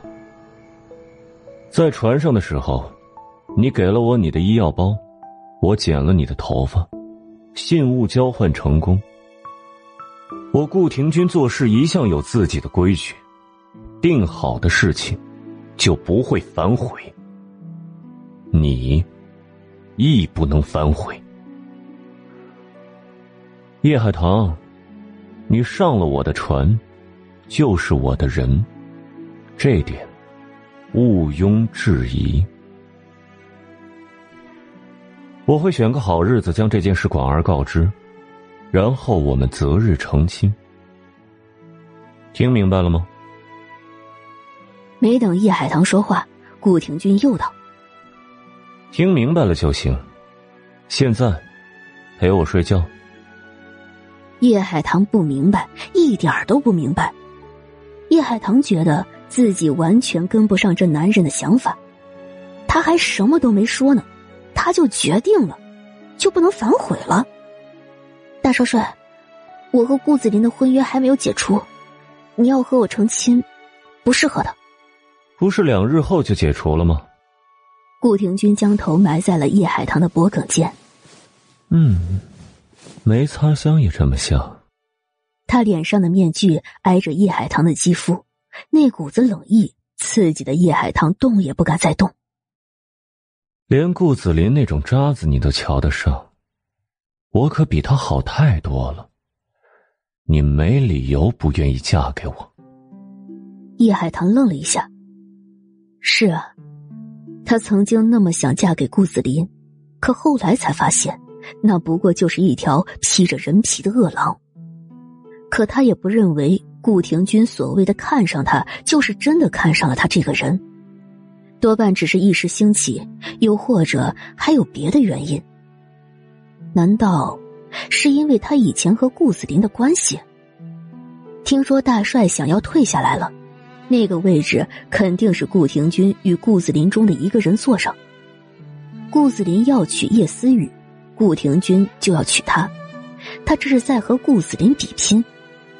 若是这样，他们也算是有共同的仇人了。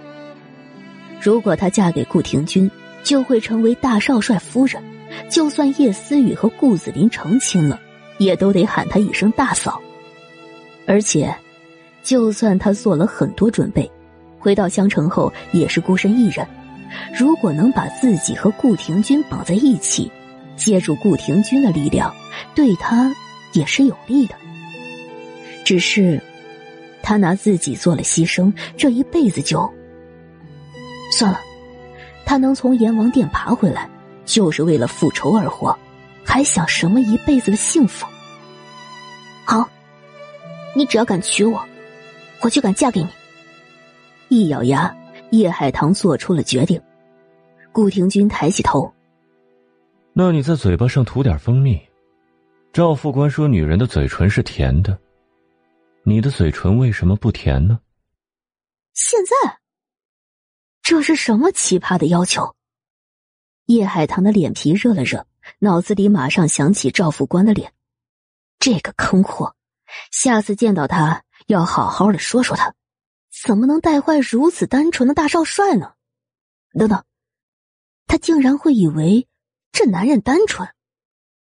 今天太晚了，下次。顾廷君如是说，又顺手扯过被子。盖在了叶海棠和自己的身上。睡觉，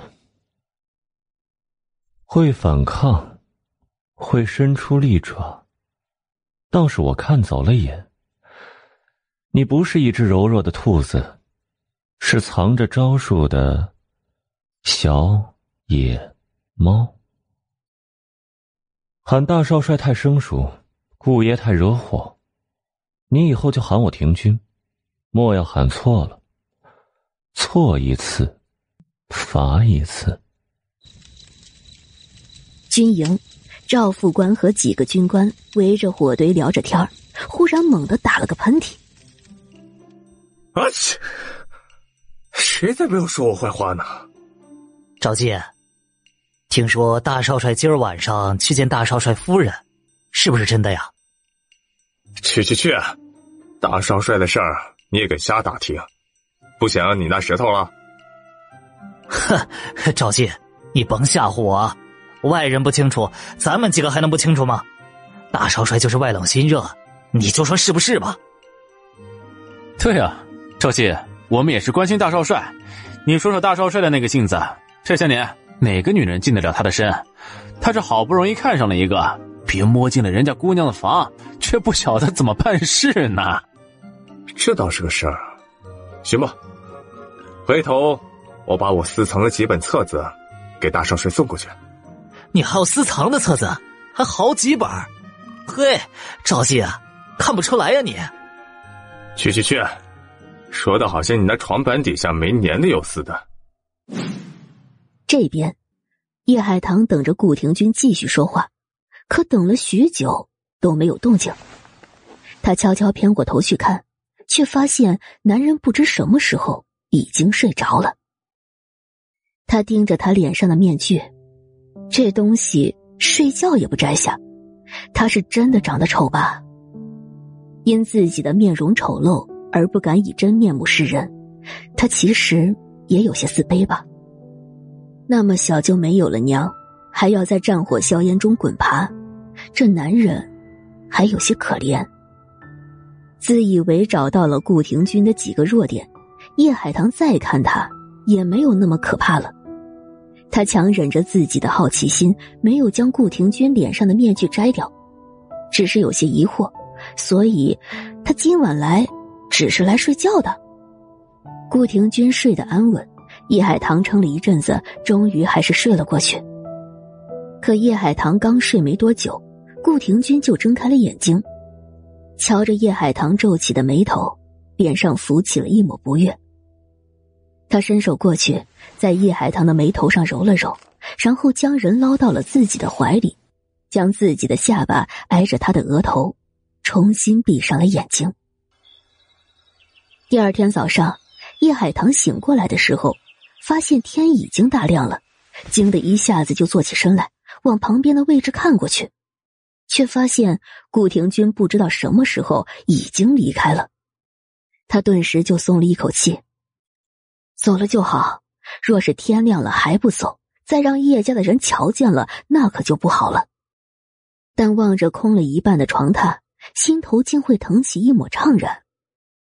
昨晚上他以为自己会睡得不好，却意外的很是安稳，连困扰他多年的噩梦都没来。他伸手将藏在枕头下的枪摸出来，却一并摸出来一张纸条。中午，荷香园吃饭。顾廷钧的字竟也意外的大气潇洒，比起那些名家书法也不遑多让。若是不是写的这么小、这么简单的内容，都可以拿去裱起来了。叶海棠，你给我滚出来！叶海棠正在欣赏着顾廷钧的字，门外传来了叶思雨的喊声，紧接着门就被拍得砰砰直响，像是用了很大的力气。叶海棠将纸条放在了口袋里，披一件外衣往门口走。他忽然将门打开，拍门的丫头失去了重心，扑通一声就摔进了屋子里。叶海棠把视线落到了叶思雨的身上。二妹妹，你喊我干什么？我娘被打伤，流了很多血，我在西医院守了一整夜，你却在屋里睡大觉。叶海棠，你这是大不孝，该打！叶海棠，我这就替我娘好好教训你。叶思雨抬起巴掌就往叶海棠的脸上招呼过来。他恨啊！当他成功的取代叶海棠成为叶家真正的千金小姐，成为二少帅的未婚妻后，三年来他过的都是被人高高捧起来的好日子。可叶海棠一回来，就逼得他的身份为人诟病，逼得他甚至不惜自曝有孕来保住自己的婚事，甚至，他不过是送母亲去西医院治伤，也被很多人指指点点。消息传得太快了，他想风风光光的嫁到顾家去，几乎是不可能的了。这种从天上忽然落下来的感觉，他怎么受得住？当然是一回来就迫不及待的找叶海棠算账。第十二集，可是叶思雨的巴掌还没落到叶海棠的脸上，就被叶海棠一把抓住了。叶思雨，我是嫡，你是庶，哦，不对，你连我叶家的庶女都不是，你就是个野种，你有什么资格教训我？还替你娘？你娘不过是父亲带进门的外室，她也没有资格教训我。她受伤那是她贪婪，活该。三年不见，叶思雨倒是撕下了柔弱小心的假面皮，就这么不管不顾的冲过来想打他。真以为他叶思雨已经坐稳了二少帅夫人的位置，还是以为他叶海棠仍是从前那个任由他欺骗坑害的人？啊！你叶海棠，你你怎么这么对我？三年以前，叶海棠虽身为叶家的嫡女，性子却和叶静兰一样的温软。她只需几句好言哄骗，叶海棠就会把更加好的东西都给了她。叶海棠或许真的将她当成了妹妹，是她从来没把叶海棠当成姐姐。可叶海棠也不过就是只是失去了一年的记忆，怎的连性子都变了？竟是凌厉的，让他有些慌。看你这样子，很不服气。叶海棠翻手给了叶思雨一巴掌，叶思雨一个没站稳，差点摔倒。想到肚子里的孩子，赶紧扶住了旁边的丫头。那你觉得我应该怎样对你？还像从前那样，当你是我亲爱的妹妹？一个趁着我失踪就抢我的婚约，还不惜与人捉他暗结，毁我叶家清誉的妹妹叶思雨，那我不妨告诉你，从你和顾子林滚在一起，做这种不要脸的事情开始，你就不再是我的妹妹了。我还肯喊你一声二妹妹，不过是因为我有教养。你，叶思雨气得脸色都青了，但是他很快的。就扬起了得意的笑脸。姐姐，我知道你为什么这么愤怒了。你这是被我抢了男人，才妒恨我吧？可惜你妒恨我也没有用。子林哥他如今喜欢的人是我，我们成亲之后，我就是名正言顺的二少帅夫人。等我再给他生个儿子，我在大帅府的位置将无人可以撼动。你也得仰望我，是吗？那也得你真能嫁得了顾子林再说。你这是什么意思？你真的想把子林哥抢回去？叶海棠，你还要不要脸？不，我和顾子林的婚约一定会解除。但顾子林还没和你成亲，就搞大了你的肚子，让你承受各种不堪的责骂，他的真心又有几分？今儿他喜欢的人是你，可明儿指不定就是别的女人了。叶思雨，你接手我不要的男人，还这么稀罕，那就好生稀罕着，别赔上了自己的身子和名声，最后什么也捞不着。说完。叶海棠已经转过身，一把拎了扑进屋子里的丫头扔出去，然后将门关上。莫扰我清静。叶思雨一双眼睛死死的盯着门眼。叶海棠，你少在这里离间我和紫林哥的关系。我一定会嫁给紫林哥，成为无比尊贵的少帅夫人。你给我等着！你给我等着！门内，叶海棠冷笑了一声。不过这么激一下，叶思雨就急得歇斯底里的，也不怎么样啊。果然是他从前太好欺负了，才遭了叶思雨的毒手。等叶海棠穿戴整齐，又有丫头过来喊人：“大小姐，老夫人和老爷在前厅，喊你过去问话呢。”丫头的话一点也不客气，听着就知道根本没把叶海棠放在眼里。叶海棠也不在意。默不吭声的走向前厅。他离家三年，这府里面早就被那些人完全控制了。他昨日里揭了他们的底，今天又在叶思雨面前嚣张了一回。叶远红和叶老太太，这是做好准备要找他算账了吧？前厅，叶远红、叶老太太、叶思雨正坐在饭桌前吃早饭。餐桌边并没有别的椅子。显然是不打算让叶海棠一起吃饭。叶思雨见叶海棠注意到了这个情况，有些得意的扫了他一眼，又端起自己面前的汤，故意的喝出响声来。二妹妹也是马上就要嫁入大帅府的人了，怎么喝汤还这么粗鲁？也不晓得姨娘都是怎么教你的，怎么如此没有教养？他走上前，吩咐站在旁边的丫头。去给我搬张椅子过来。叶海棠，你说谁没有教养呢？叶思雨一口汤呛在了喉管里，猛地咳嗽一阵，这才抬起眼睛来，怒气冲冲的瞪了叶海棠一眼，又转过头去看向叶远红和叶老太太。奶奶、父亲，你们听听，姐姐就是这么欺负我的。我就说，姐姐失踪三年，心思全变了，你们还不信？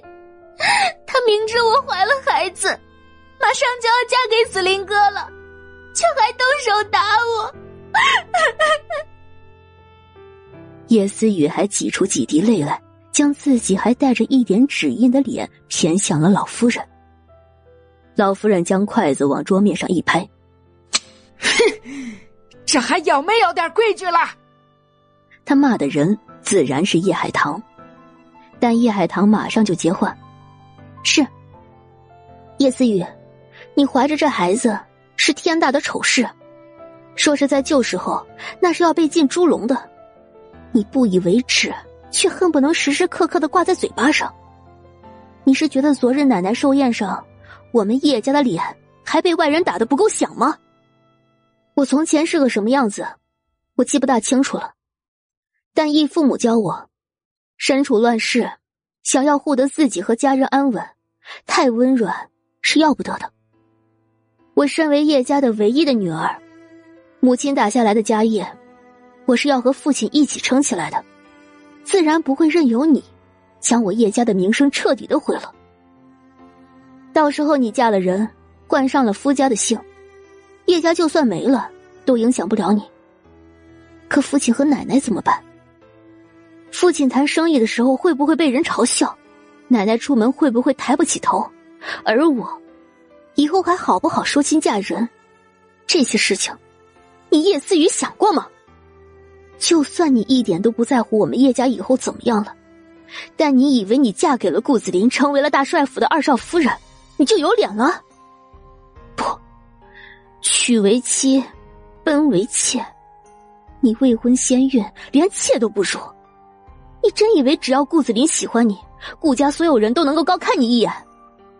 不，你在他们眼里。早就轻贱了。若是到时候入了顾家的门，你却连基本的规矩都不懂，那就是贱上加贱。况且顾子林如今是喜欢你，可你能保证他永远喜欢你吗？他从前还喜欢我呢，还不是和你滚在一起了？叶思雨，我打你那是教你要收敛一些，别到时候因为自己的愚蠢，在顾家过不得好日子，还要连累了整个叶家。被人戳脊梁骨，这一番话，叶海棠说的是又快又清楚，直对的叶思雨面色苍白，也说的老夫人和叶远红无话反驳。毕竟他可句句都是在为叶家考虑。一口气说了这么多话，叶海棠觉得有些口干。我的椅子呢？怎么还没搬过来？再给我倒杯水来。今儿不是要先打打嘴皮子仗吗？那就好好打。他叶海棠自小就跟着母亲在生意场上混，面对形形色色的人都能应付。这三年更是跟着义父义母见过不少大风大浪，会说不赢叶思雨。叶思雨根本没想到叶海棠会变得如此的伶牙俐齿。他看了看叶远红和老夫人，竟发现他们的脸色也变了，像是在考虑叶海棠的话对不对，赶紧开口。奶奶，父亲，这这是姐姐在污蔑我。我是叶家的女儿，我怎么可能会不在意叶家的名声呢？就算我嫁了人，我的根也还在叶家，我又怎么可能不在意奶奶和父亲会怎么样呢？第十三集，姐姐倒是懂规矩，奶奶的人也敢使唤。姐姐倒是有脸，明知道这里没有你的位置，还想坐下来一起吃。哼，我看姐姐这些年在外面别的本事没学会，倒是学会了污蔑人和厚脸皮。当着奶奶和父亲的面，姐姐还这么嚣张，这到底是仗谁的势？难不成是大少帅？想到那个无比狂妄却又无比残忍的男人。就算是面容丑陋的活阎王，叶思雨也不愿意那个男人与叶海棠牵扯上什么关系。哼，叶海棠，你别做梦了！大少帅那样的人怎么可能会看上你？你才回来，根本就不知道襄城的局势。大少帅他根本就不是为了你而来的，他是为了跟紫林哥争斗。可就算是他也没有用，紫林哥一定会成为成为什么？你想说，顾子林会成为南地九省的新大帅吗？当然，还没定下来的事情，二妹妹还是不要乱说的好。既然是兄弟，那就都有一半的机会。若是最后的结果不是二妹妹想的那样，可是会让人记恨的。叶海棠望向了叶远红。关于大少帅，都说他是人间活阎王，喜怒无常，得罪他的人都没有好下场。我回家的路上意外遇到了他，若不是因为怕他，怕他对我下死手，也不会配合他躲过那些追杀的。父亲，这样可怕的人，你想得罪吗？胡说！我怎么会想要得罪大少帅？他还想多活几年，多过几年好日子呢。好啦，吵什么吵？当姐姐的没有当姐姐的样子，当妹妹的也不学好。这还是偏着叶思雨的。叶海棠在心里冷笑了一声，他当然不会想着老夫人或是叶远红会偏他。叶海棠。思雨嫁人前后的事情都由我跟他娘准备，不需要你操心。我只问你，你离家三年，心里还有没有你父亲跟我？没等叶海棠说话，老夫人的眼刀子就飞了过来。你一个未出阁的丫头，怎么敢当着那么多人的面说你父亲是？说你的业和我们的业不是一个业，你这是大不孝！你还一定要将那翡翠馆和当铺要回来，如此小家子气，让外人平白看了我们家大笑话去，你太让我失望了！你给我跪下认错！这该死的贱丫头，竟敢毁了我的寿宴，将我的脸面都丢光了！要不是想着从她身上得到更多的好处，我早就弄死她了。既然思雨闹起来，正好趁机打骂这贱丫头一番，出出恶气。姐姐，看你把奶奶都气成什么样了，还不赶紧跪下认错？叶思雨又得意起来，眼睛都往上抬了抬。父亲。你也觉得我做错了吗？叶海棠没有动，只是将视线落到了叶远红的身上，故作期待和难过的模样。可本来你是娘招上门的郎，这就是事实，是族谱里明明白白写着的。况且我说出来，也不过是为了将属于我们叶家的东西拿回来。我也是怕奶奶和父亲不好开口，这才舍了脸面去闹一闹的。不曾想。叶海棠，做错了就是做错了，你还狡辩？你娘就是这么教你的？叶远红一听叶海棠提起上门女婿的事情，就怒了。我已经和你奶奶商量好了，那翡翠馆和当铺，既然不能算作是叶家给思雨的嫁妆，那就算是你这个做姐姐的给妹妹的添妆。你从顾家把玉牌拿回来之后，就送给思雨。还有，大少帅不是把顾家的银湾码头给你了？那是二少帅的东西，你也敢拿？一并交给思雨，带到顾家去吧。叶海棠的脸白了白，似乎很憋屈。原来不过短短三年，我在家里不仅没了吃饭的位置，连为家里多做一些事情的资格都没有了。可父亲和奶奶知道吗？那翡翠馆和当铺盈利有多少？那差不多是等于叶家所有产业加起来那么多。这还是母亲在世的时候。如今母亲不在了，我也是知道叶家的生意已经在走下坡路，所以才坚持要将翡翠馆和当铺拿回来。不想，父亲和奶奶却能做到如此大方。什么？叶远红和叶老夫人都惊住了，他们其实都不知道这翡翠馆和当铺这么赚钱。如果知道，哪里会？叶海棠见他们的模样，心里满是讽刺。哼，就知道他们不懂，否则他们怎么可能松口让叶思雨带走这么丰厚的财产？哪怕他们从小就很疼爱叶思雨，那玉牌，我一定会拿回来。如果拿回来了，父亲和奶奶一定要送出去。那这件事等玉牌拿回来再说。老夫人赶紧打断易海棠的话，有改变主意的意思。呃，但是那银湾码头，那是大少帅亲手交到我手里的。父亲和奶奶都是聪明人，不会真的以为大少帅交给了我就是我的了吧？银湾码头上各方势力都盘在那儿。我一个闺中女儿家哪里拿捏得住？不过是大少帅寻个由头，暂且搁在我这里而已。我有几条命，敢将活阎王的东西送给我妹妹做天妆？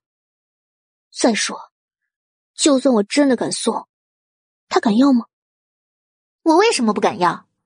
我可马上就是二少帅夫人，我有什么不敢要的？那就等你真正成了二少帅夫人，再和顾子林一起来拿。叶海棠后退了半步。如果父亲和奶奶认为我回来之后做的事情都错了，那就错了吧。但我不认为我做错了。我娘教我教的很好，但是没有教我得向贪婪的姨娘和抢我婚约的私生女低头。既然这家里没有我吃饭的位置，那我就去香园吃。叶海棠转身就走，他们不让他吃，他可有更好的去处。香园美食是香城一绝，请的厨子那是从前做御膳的，好吃是真的好吃，但贵也是真的贵，一顿饭就能花去普通人家一年的开销。是以，就连叶家，也只有过大节或是有重要生意要谈，才会考虑到香园吃饭。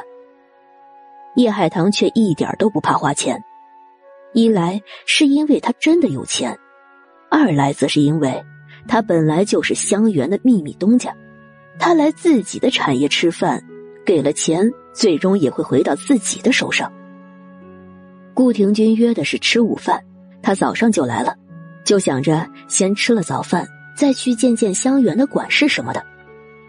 只是他刚在靠窗的位置上坐下来，一个婆子就站在了他的面前。你换个位置。这个位置我们家小姐要了。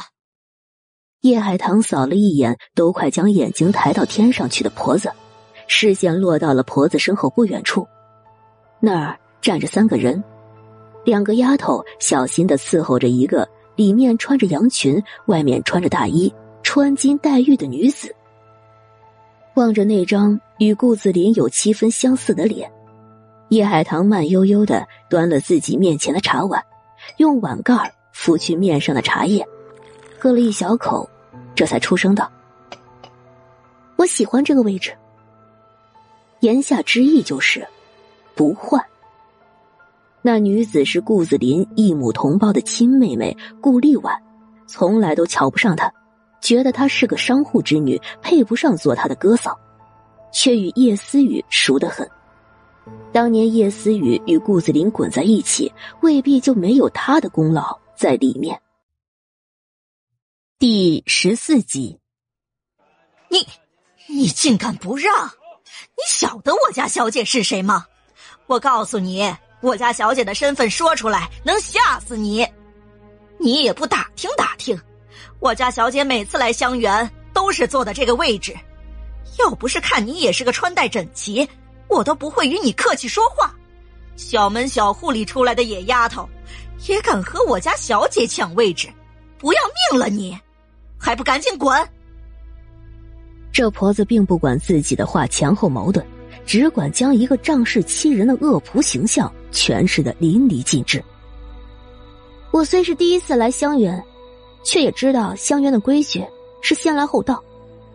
你家小姐又没有将这个位置买了。我做了，那便是我的。想要跟我换，客气些与我说话。碰上我心情好的时候，让一让也无妨。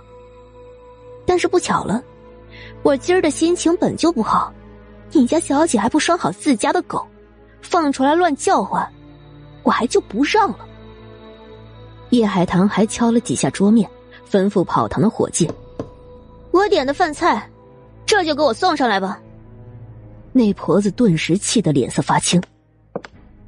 哼，我还以为是谁呢？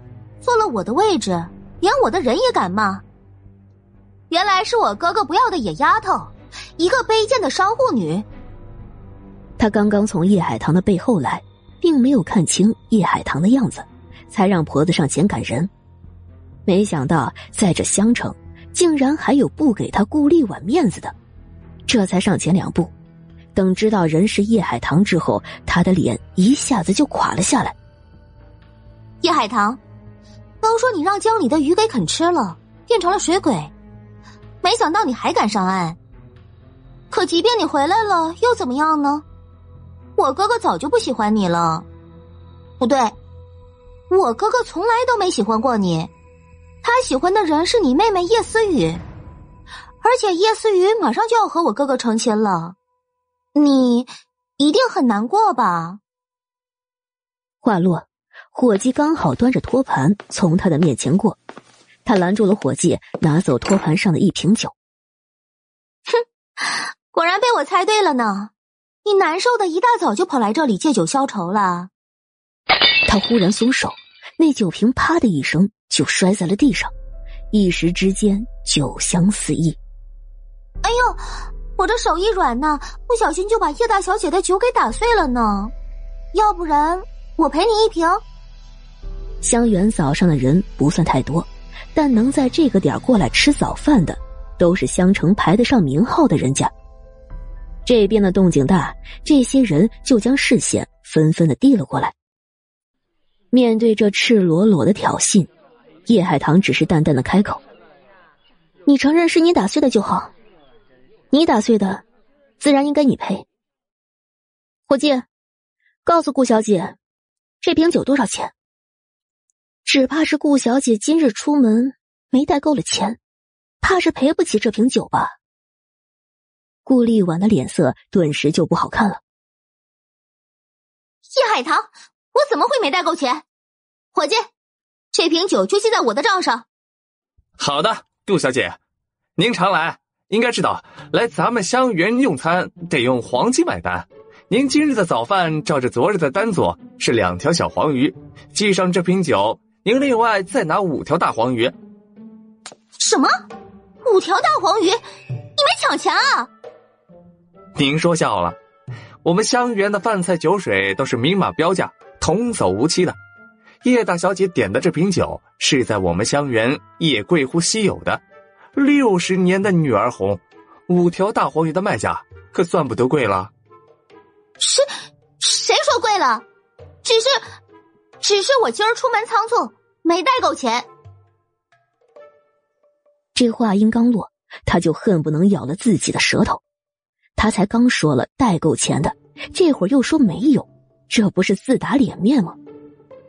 他是经常到香园来吃早饭，显得他阔绰有面子。他是南地九省的第一千金，他的身份就该吃香园。可五条大黄鱼都等于他来香园吃两个月了，他怎么会带这么多金子过来呢？该死的叶海棠，一大清早的，为什么要点这么贵的酒喝？叶思雨也是个没用的，三年前就说彻底解决了叶海棠，还让人三年后又冒出来。这酒是我打碎的没错，但也是叶海棠点的，凭什么让我一个人买单？我看这酒钱我和叶海棠一人一半。顾小姐若是没钱，直接与我说，这酒钱我付了就行，何必还说什么一人一半的话，惹人笑话。周围有人忍不住轻笑了一声，让顾立婉的脸上直接就挂不住了。如果不是这个时候，他刚好看见自家哥哥顾子林从楼下上来，他都要对叶海棠动手了。但顾子林一来，他改了主意，又将头往天抬了抬，鼻孔都露了出来，拔高了音量，冲着顾子林喊道：“哥，哥这边！”顾子林约了人来香园谈事。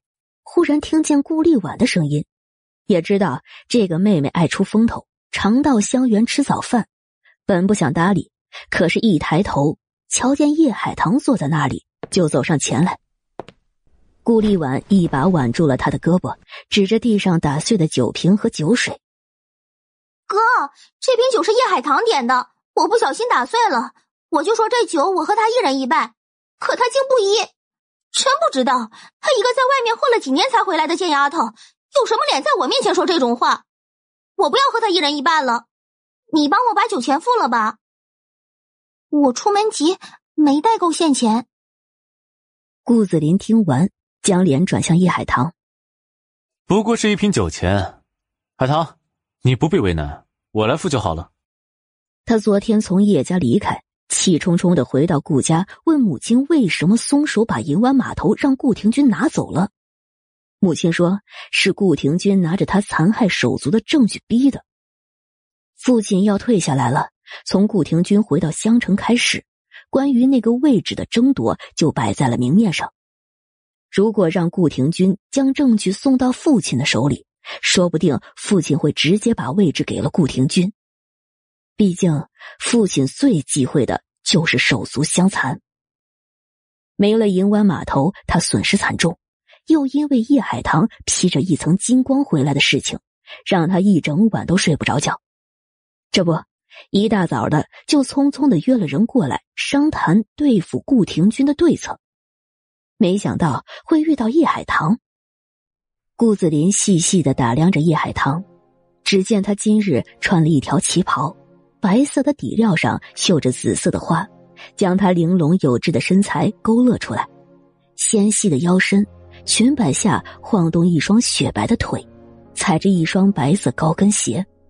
若是能掐着她的腰身，抱着她的腿，让她在自己的身下……顾子林不自觉的吞下一口口水，视线再往上。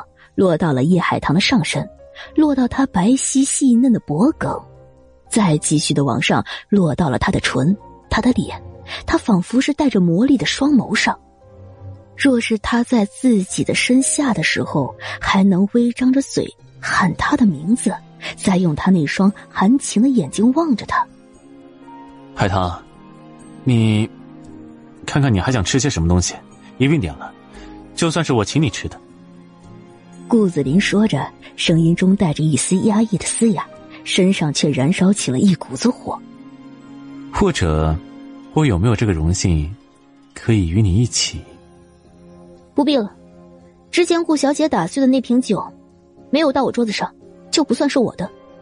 可顾小姐非说是要与我一人一半，我恐会惹人笑话。本来打算要吃吃亏，帮顾小姐买了单。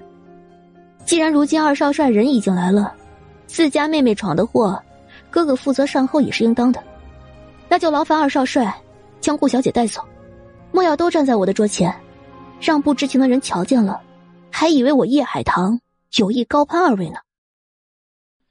至于让二少帅请我吃饭的事情，叶海棠，我哥才不会请你这个贱丫头吃饭呢！你少做梦了。顾立婉拉住了顾子林，哥，你在做什么？为什么要请这个贱丫头吃饭？她配吗？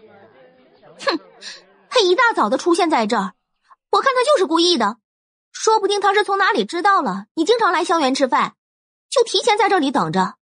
嘴上说的清高，骨子里就是个喜欢勾引男人的贱货。否则大冷天的穿什么旗袍啊？一身的骚味儿。谁知道他失踪的这三年去外面做了什么？第十五集。哥，你可千万不要上他的当！别忘了，你马上就要和思雨成亲了，思雨肚子里还有你的孩子呢，那才是我正儿八经的嫂子，可别让一个狐狸精给破坏了。叶海棠放下茶碗，上上下下的看了看顾立婉。三年不见，顾小姐身上的肉见长，难怪瞧不得我们穿旗袍的人，原来是您想骚，但是骚不起来啊。他咬字清楚，且语气里还带着浅显易懂的惋惜。二楼好几个穿着旗袍的贵妇千金听了，都忍不住的笑了起来。你，你说什么？叶海棠，你竟敢嘲笑我胖？顾立婉好吃，这几年太平了，香园的美食让他贪嘴，还偏爱重油重盐的，比三年前胖了不止十斤。的确是穿什么样式的旗袍都不好看了。不过我与顾二少帅的婚约还没有正式解除，你们倒好，时时刻刻将顾子林搞大了叶思雨肚子的事情往外说，我倒是无所谓。毕竟那叶思雨不过是我家姨娘带进门的，自小也是姨娘教的，倒是与我叶家的家教没什么关系。但顾二少帅要娶一个真正的野丫头。顾小姐又将那野丫头抬得高，说什么正儿八经的嫂子，还在这里旁若无人的口出脏语。顾家的家教，我如今才算是真正的见识了。他起了身，将放在一旁的大衣拿在手里。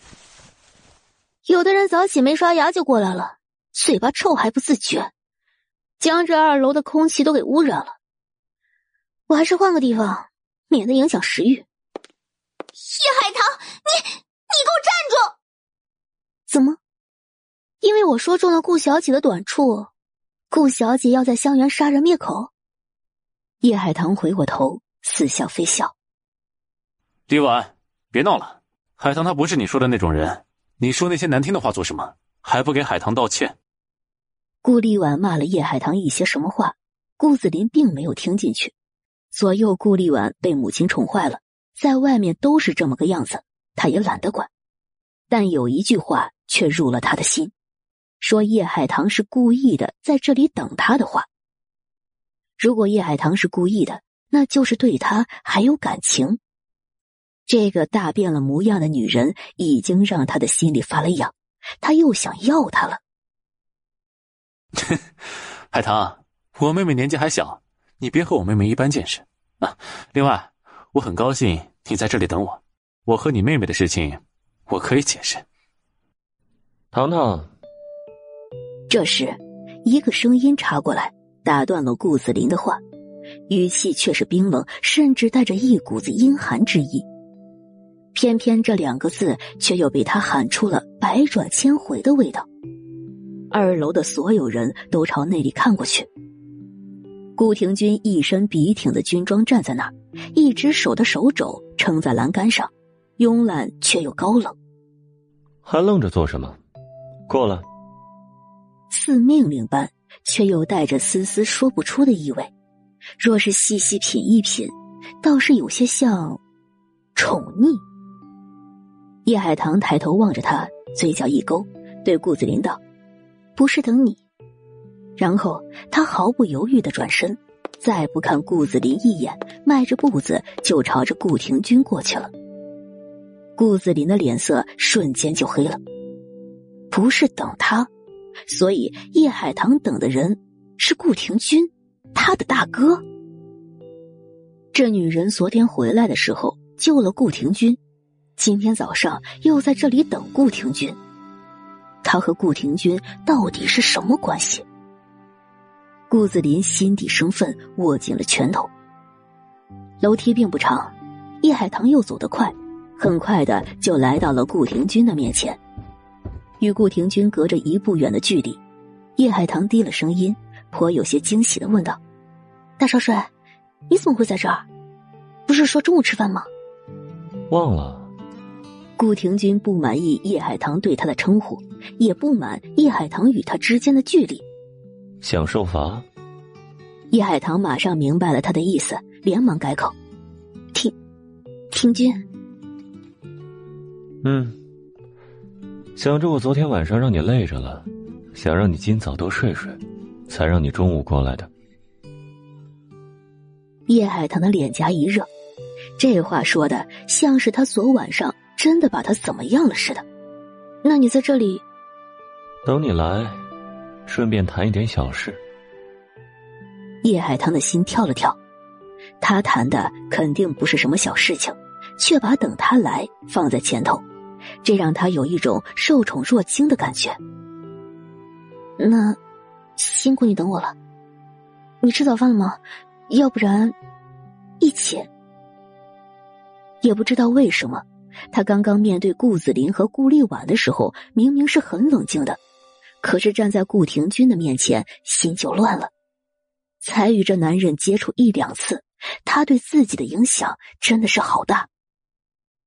大哥，顾子林忽然在下面大喊了一声，顾廷钧将视线递过去。二弟有事啊？顾子林却马上对顾立婉说道：“跟他说。”让他和我们一起吃早饭。我不，哥，要说你说。顾立婉怕极了顾廷钧，只因为两年前他看上了一个留洋回来的公子哥，非要嫁给人家，家里不同意，他就跟着人跑到了外面去，是被顾廷钧找回来的，还揭穿了那公子哥就是个骗子。当时顾廷钧活刮了那公子哥。还将他押到面前关刑，那血淋淋的场面，两年来都是他的噩梦。他哪里还敢跟顾廷钧同桌吃饭？哥，我不想吃早饭了，我先回家了。顾立婉拔腿就想跑。三妹，顾廷钧的声音从楼上传来。六十年的女儿红都能被你随随便便就摔了，想必是存了不少钱吧？正好大哥今日出门没带钱，你上来帮我把酒钱付了，就当是大哥回家，你做妹妹的给大哥洗尘了吧？什么？丽婉，你摔的是六十年的女儿红？顾子林的脸色更黑了，显然是知道那酒要多少钱的。顾丽婉恨不能今儿就没来香园。哼。既然是要我们付酒钱，那就一起吃早饭吧。嗯。顾子林将想跑的顾丽婉拖了回来，两人一起上了楼。他不是不知道顾立婉怕顾廷钧，可他的亲妹妹竟然会如此的忌惮顾廷钧。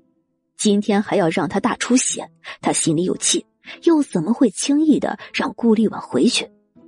他就是要靠近了，搞清楚叶海棠和顾廷钧要做什么。三妹付酒钱，二弟要一起来，那就得把饭钱和酒钱都一并付了。我刚回江城，不比二弟和三妹在家中长大，想来一顿酒饭钱。二弟和三妹总不会舍不得吧？当顾子林和顾立婉都站在自己面前了，顾廷钧又如是说：“大大哥，我没，真没钱。”顾立婉将身子藏在顾子林的身后，缩着脖子说道：“无妨，你二哥和你娘有钱呢。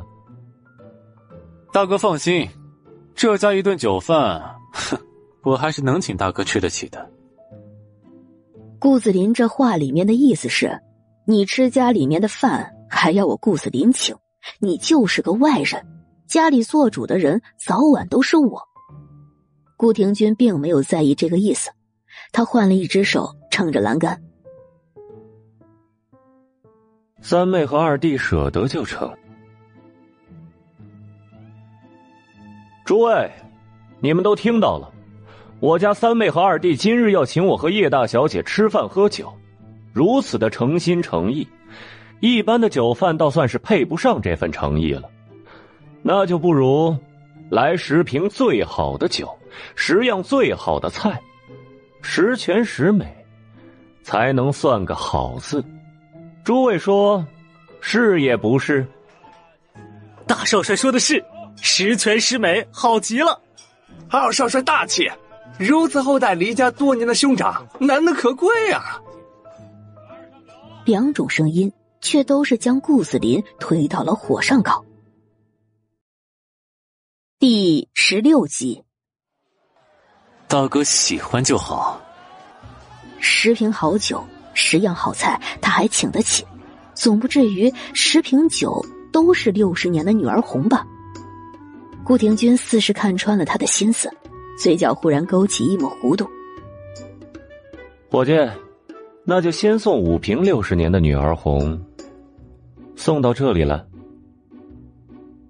顾子林脸上的表情再次出现了裂缝，叶海棠的心中再次起了波澜。他怎么知道香园有五瓶六十年份的女儿红？他转过身去，趁着所有人不注意，给跟过来的那伙计递了个眼色。伙计心领神会的去了，不一会儿就带来四个伙计，与他一起五个人，每人手里一个托盘，上面放着一瓶酒。看到这瓶酒，顾子林只觉得自己的骨头和血肉都在疼。大哥，我们去哪里喝酒？不急。顾廷钧亲手拿了一瓶酒，放在了叶海棠的手里。我刚才听到有人说你是野丫头、贱丫头，想来能摔六十年女儿红的人才不也不贱。那这样，你就摔吧，把这五瓶都给摔了，你的身份也就上来了。嗯，这这不一定吧？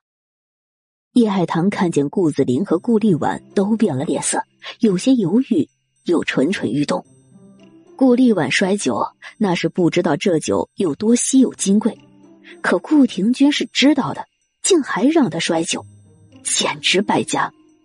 但他怎么觉得这种简单粗暴的方式好喜欢呢。一定不一定的，先试试再说。说着，顾廷钧抓住了叶海棠的手，与他一起拿起那瓶酒。来，我先给你做个示范。酒瓶伸到了栏杆外。糖糖，松手。叶海棠本来没反应过来，但他又用自己大拇指的指腹去摩擦他的虎口处。叶海棠只觉得一股子难以言喻的感觉从那一处迅速的蔓延全身，身子一僵，手就松了开来。啪的一声，酒瓶摔在二楼，酒瓶四分五裂，因为隔得够高，酒水还飞溅到了隔得近些的食客的身上。那几个食客却动也不动，看了看地上破碎的酒瓶，又抬头盯着楼上，目光里一片热切。六十年的女儿红啊，五条大黄鱼的好酒啊，就这么砸了。糖糖，做的很好，继续。顾廷钧又示意下一个伙计将酒送上前。叶海棠有些心疼，早知道这酒是要用来砸的，他就该让伙计拿年份低的酒来。这好酒砸了，可惜呀。但见到顾子林和顾立婉的脸色更差，他拿走了第二瓶酒，接着是第三瓶和第四瓶，第五瓶，最后他连面前的几个托盘都扔了下去。廷君，没了。砸完之后，叶海棠望着顾廷君，表情里有没有收住的笑意和意犹未尽。还没砸够啊？声音挺好听的。难怪顾小姐喜欢，我倒是没关系。不过我看二少帅、顾小姐还有其他的食客们心疼了，那就算了吧。剩下的那五瓶六十年的女儿红，我们喝吧。他刚才打眼色给伙计，让拿过来的并不是六十年的女儿红，而是三十年的。他接下来要伙计拿来的也不会是六十年的，最多也是三十年的。外行看热闹，内行看门道。已经砸了的五瓶酒，没人知道是多少年的。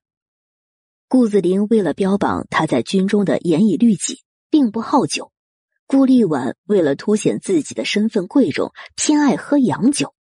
他们都不懂女儿红，自然也喝不出三十年和六十年有什么区别。但听到还要五瓶六十年的女儿红。饶是顾子林再能装，也忍不住了。香园有那么多六十年的女儿红吗？是啊，如果没有，那就换别的。十瓶六十年的女儿红，那就是五十条大黄鱼啊！这简直和抢钱没两样了。二少帅和顾小姐，请放心啊，我们香园的招牌酒就是女儿红。为此，东家跑遍了全国，高价收好酒回来。机缘巧合之下，碰到一位八十高寿的老先生。老先生偏爱生女，成亲之后就梦想着生一百个女儿，埋下了一百坛女儿红。可惜后来他一个女儿都没生下来。兵乱起来后，老先生的这批酒损毁了一大部分，还有一少部分存留至今，被我们东家全买了回来。是以十几瓶六十年的女儿红，我们香园是有的。顾子林的脸色再变。顾立婉已经快站不住了，这会儿傻子都知道，顾廷钧让叶海棠砸酒，就是在打他和顾子林的脸。或许不全是因为叶海棠，但叶海棠就是根导火索。他不敢对顾廷钧做什么，就恨恨的剜了叶海棠一眼。等着，这贱丫头让他这么没脸，他绝对不会就这么放过这贱丫头的。一刻钟后，珍馐美味摆了满桌，除了十样好菜，还增加了一些甜点、汤水、果盘之类的东西。顾立婉根本吃不下，顾廷钧往那里一坐，他就好像能看见那些血肉模糊的东西，吐都快吐了，哪里还能往里吞？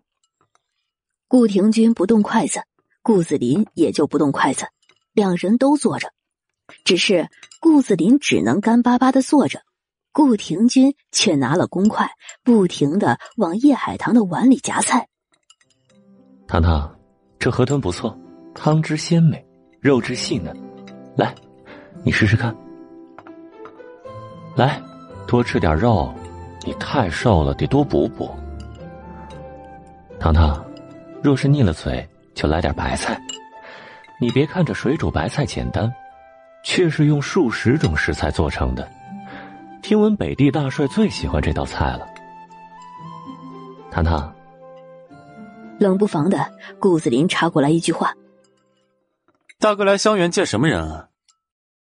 几人坐的是安静雅致的房间，却是决定一起吃早饭之后临时加定的，自然与原计划不同。顾廷钧知道顾子林想问什么。眼帘子都没抬一下，轻飘飘的还了他三个字：“二弟呢？”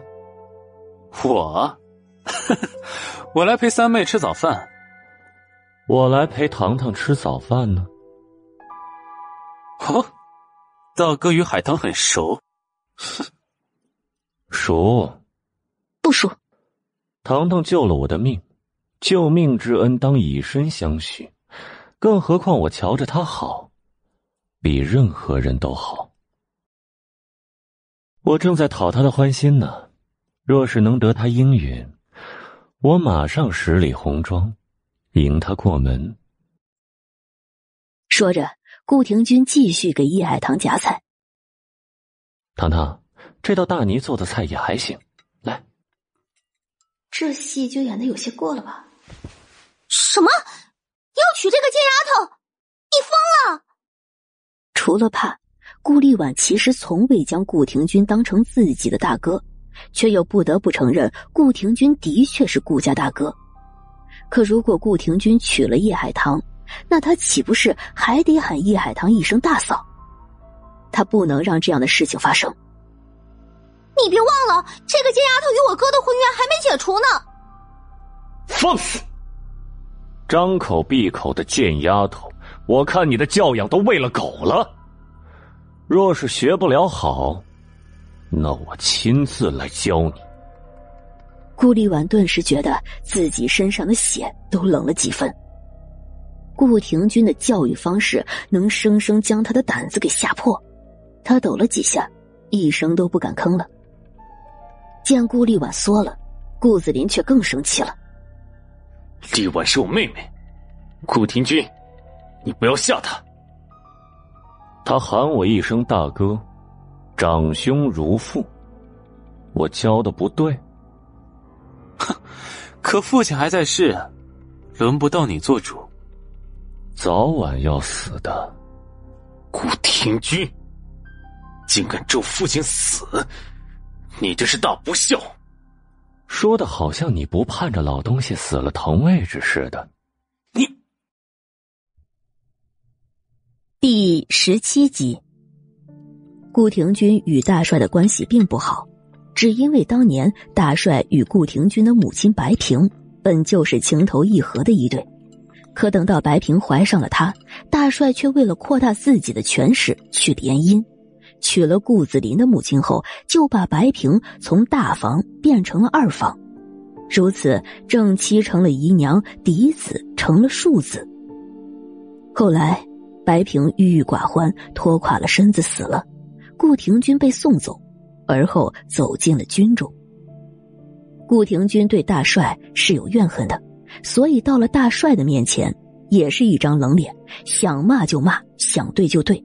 大帅对他有愧，他喜欢怎么样就怎么样。但顾子林不行，顾子林自小在母亲的教导下，戴了一张假面皮。在所有人面前营造父慈子孝、谦谦君子的好形象，表面温和，内里阴暗，自然没有顾廷钧活得快活。此时被顾廷钧对的没话了，又见顾廷钧的确对叶海棠殷勤的很，一个没忍住就冒出来一句话：“哼，大哥明知道我与叶海棠的婚约还没有解除，就对他这么热情，捡我不要的破鞋，”又有什么好得意的？顾廷钧夹菜的手停住了，叶海棠将嘴里的饭菜吞下肚子，也抬起了眼睛看向顾子林。两人更是不约而同的做了一件事：迅速的拿出自己的枪，将黑洞洞的枪口对准了顾子林的脑门。饶是顾子林心知他们不会真的开枪杀他，可面对这种杀气，也惊出了后背的冷汗。你，们想做什么？做什么？顾子林，我倒是问问你想做什么？我什么时候成了你不要的破鞋了？你把话给我说清楚。我叶海棠失踪三年不假，但你在没有和我解除婚约的前提下，就与叶思雨那野种滚在一起，连孩子都弄出来了。到底是我破，还是你破？再说解除婚约的事儿，不是你不要我吧？是我瞧不起你这副伪君子的模样，我要和你解除婚约，是我不要你了。女儿家的名誉重如山，顾子林，你要是再敢污蔑我，我叶海棠就是拼了这条命不要，也要拉你一起去死。这一瞬间，叶海棠的眼里射出了冰冷的恨意，让顾子林无比的震惊。海棠，你。怎么还会有这样的一面，竟让我都有些慌的一面？叶海棠知道自己的情绪漏得过了线，就补上几句：“顾子林，我在国外的时候也是杀过人的。我义父义母教过我，神不犯我，我不犯神；人若犯我，斩草除根。所以你最好别以为我还是三年前的那个我，别惹我。”否则，即便是你，也要付出代价。顾廷军用自己的枪敲了一下叶海棠的枪。嗯，收起来。这种杀人灭口的事情，应该让爷们儿来做。你继续吃饭，好好吃，多吃点，省得以后我娶了你，还是一副弱不禁风的模样，倒让别人觉得好欺负了。不管怎么说，我与叶海棠之前的确是有婚约的。大哥，你真以为我和他的婚约解除了，你就能娶她？哼，你就不怕被人说闲话？大哥，你一定要为了个女人与我你死我活的吗？不，若是你我相争，定是我活，你死。就算没有女人。我与你之间也是这样的，所以不要往我的女人头上泼脏水。你顾子林眼睛瞎，只相叶思雨那坨狗屎。我却知道我的糖糖才是真正的明珠。你捧一坨狗屎都不怕臭，我怕什么人说闲话呀？我顾廷君像是会怕什么人的人吗？顾廷君说着，将枪口往前递了递，压在了顾子林的额头上。我说：“二弟，你如果不想好好的吃饭，要么就给我装哑巴，要么就滚蛋。再让我听见你瞎逼逼，这颗子弹我就提前送给你了。”这口气简直嚣张的不能再嚣张了，话里面对顾子林的杀意那更是毫无避讳。你，顾天君，你真敢杀我，你就不怕父亲惩罚你？顾子林后背里层的衣裳已经被冷汗湿透了，他自小就将顾廷君当成了自己的对手，可身为大房的嫡子，让他一直有些自负。自以为比庶子顾廷钧要强得多，即便是知道顾廷钧在硝烟炮火中建下了一个又一个的大功，知道人人都惧怕活阎王，他也没怎么将顾廷钧放在眼里。他只想着将顾廷钧杀之而后快，只要顾廷钧死了，顾家的一切就都是他的。直到真正意义上的与顾廷钧面对面的交手。他才感觉到顾廷钧的可怕，才明白为什么这些年母亲和他派的一批又一批的人去对付顾廷钧，顾廷钧却依然能够活下来，活得越来越强大。我为什么不该杀你啊？顾廷钧的视线往下落到顾子林悄悄摸枪的手上，别动，否则我保证可以在你拔出枪之前送你归西。二弟啊，老东西这辈子只有我和你两个儿子，我若是杀了你，他就只剩下我一个儿子，又怎么舍得再重罚我呢？哼，这么些年来，你们母子不就是这么个心思吗？你，你少胡说八道！大哥自己嗜血狠毒，不顾兄弟之情。可别以为我也和你一样，我是想要父亲的位置，但我从来想的都是和大哥公平竞争。不过，大哥似乎是不想和我好好的说话，那就算了。立晚，我们走。话音没落，顾子林已经起了身，有些仓促，还将手边的一个碗带的摔到了地上，吓得顾立婉忙跟着他走。二弟好走。别忘了去楼下把酒饭钱给结了。顾廷钧慢悠悠的收起枪，喊了一句，又转过头去看看叶海棠。扰人的东西总算是滚了。糖糖，来吃。刚跨出门的顾子林拳头捏得咯咯作响，加快了脚步离开。大少，廷君，你也吃，别给我夹菜了。顾子林和顾立晚都已经走了，叶海棠赶紧说了话。他碗里面的菜都堆成了一座小山，哪里吃得下这么多？而且他受不住顾廷钧这一边给他夹菜，还一边说着貌似宠溺他的话的样子。他是知道这男人有多可怕的，可他怎么还能能有这么一面呢？你得多吃点儿，你的腰也太细了。经不起我折腾，身上的肉也少了些，摸起来一把骨头。赶紧养，别等到我们成亲那日，死在了洞房里。这话里面的意思简直不能更直接了。果然，这才比较像他。叶海棠差点被噎着，连忙转移话题：“你约我中午吃饭，是有什么事情要与我说吗？”没有。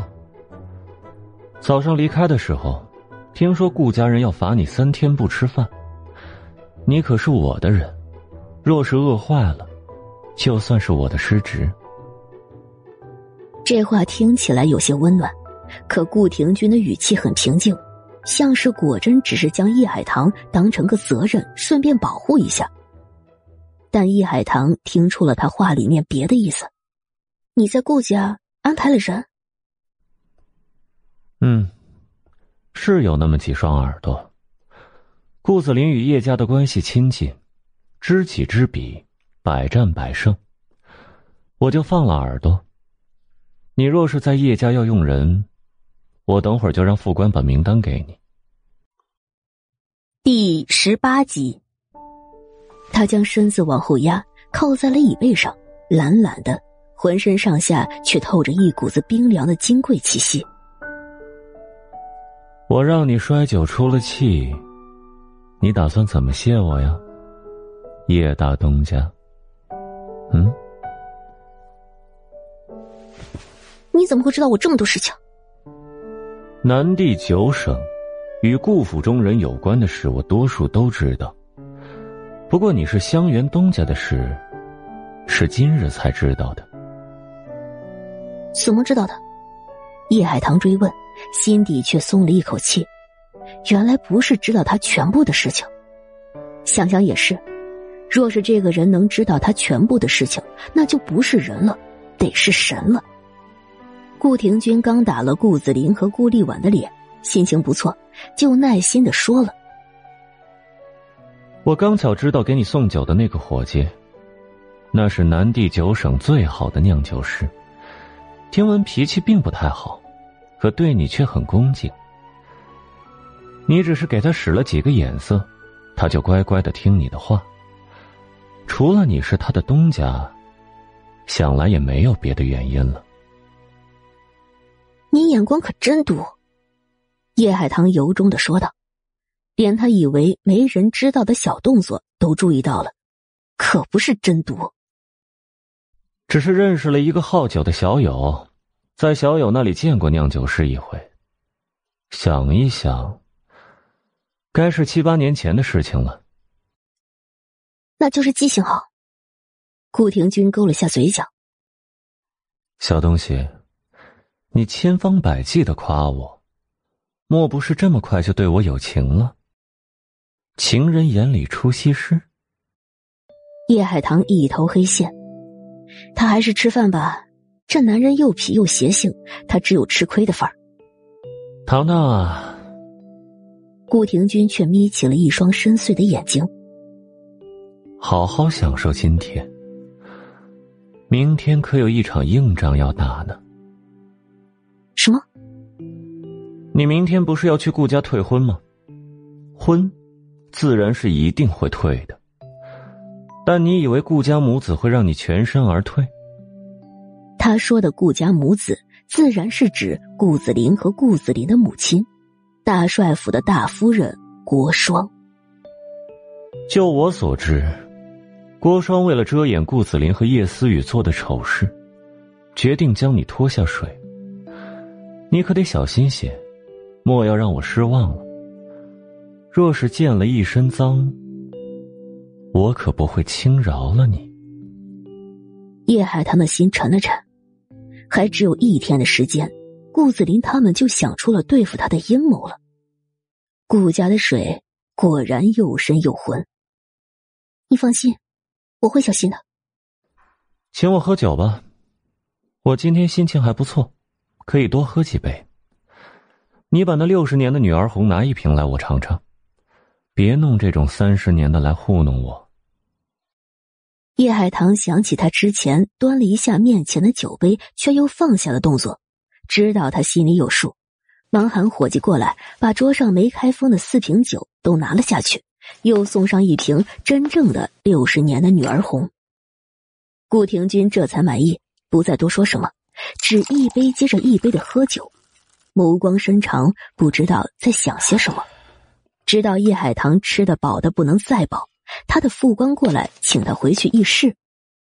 走的时候，顾廷钧贴近叶海棠的耳朵：“我在顾家等你，明天就别穿旗袍了。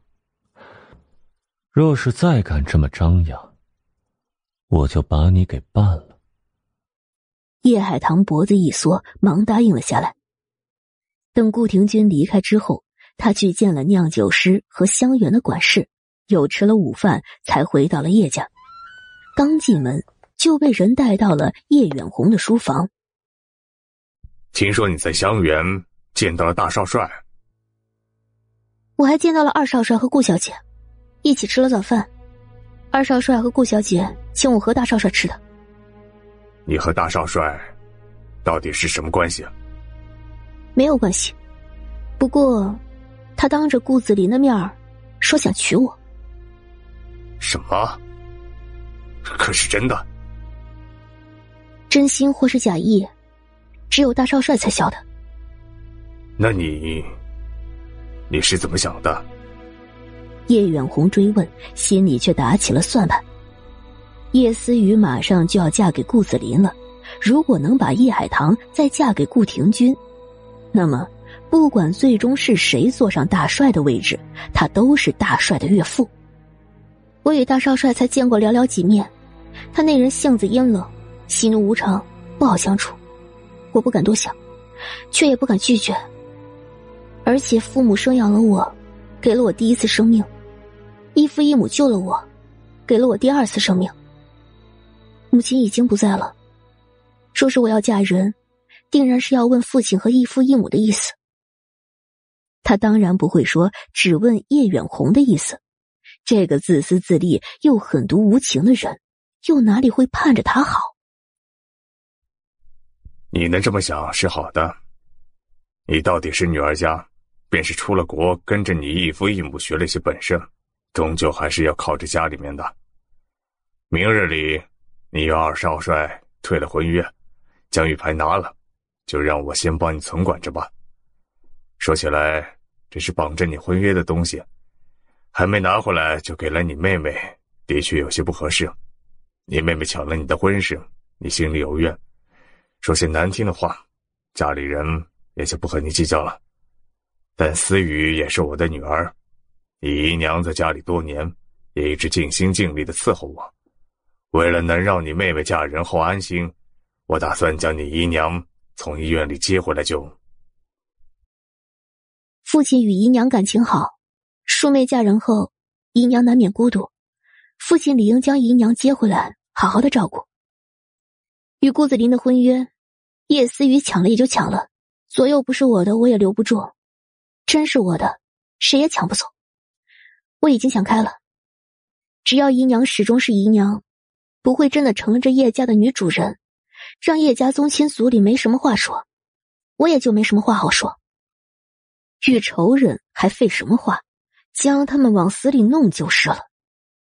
这叶远红被叶海棠堵了话，到底没好意思，舔着脸皮子。将要把雷月香抬成大夫人的话说完，只是沉默了片刻，便开口：“等明天，明天去顾家，先将你和紫菱的婚约退了再说吧。”与此同时，叶思雨来到了医院，将手里提来的饭盒往雷月香的病床旁边的柜子上一放：“娘，吃饭了。”雷月香早就饿了，忙对叶思雨说道。哎呀，思雨，我的手不方便，你喂我。喂什么喂？你是伤了一只手，又不是两只手都伤了。娘，你没发现叶海棠那贱丫头跟以前很不一样了吗？他今天竟然敢威胁我，还骂我是野种。不行，这口气我怎么都咽不下。你快点帮我想个办法，我要那贱丫头死。那个贱丫头明天要去顾家退掉跟紫林哥的婚约，我看不如就在顾家动手。虽然对自己的女儿不关心自己的伤有些尴尬和难过，但提起对付叶海棠，雷月香的眼里马上射出了阴冷的眼刀子。要不是因为那个贱丫头，火阎王怎么会对我开枪？我伤了一只手都是那个贱丫头害的。我不会放过她。那个贱丫头是不一样了，也不知道她这几年在外面立了些什么事，一回来就如此嚣张。她明天就要去顾家吗？那就当着顾家人的面毁了他。娘，你的意思是给叶海棠找个男人？就像我们当初给叶静兰找男人一样，这种事儿做成过一回，雷月香和叶思雨便都觉得再做不难。可叶海棠还没成亲，给他找野男人，谁会帮我们杀他？第十九集，哼。我们杀过他一回，却没能让他死，何必再让他死？只要毁了他，坐实他是个放荡不堪的婊子，让他被香尘人的唾沫口水包围着，让他被我们踩在脚底下，只能卑贱的活着。他活着，不是比死还难受？思雨。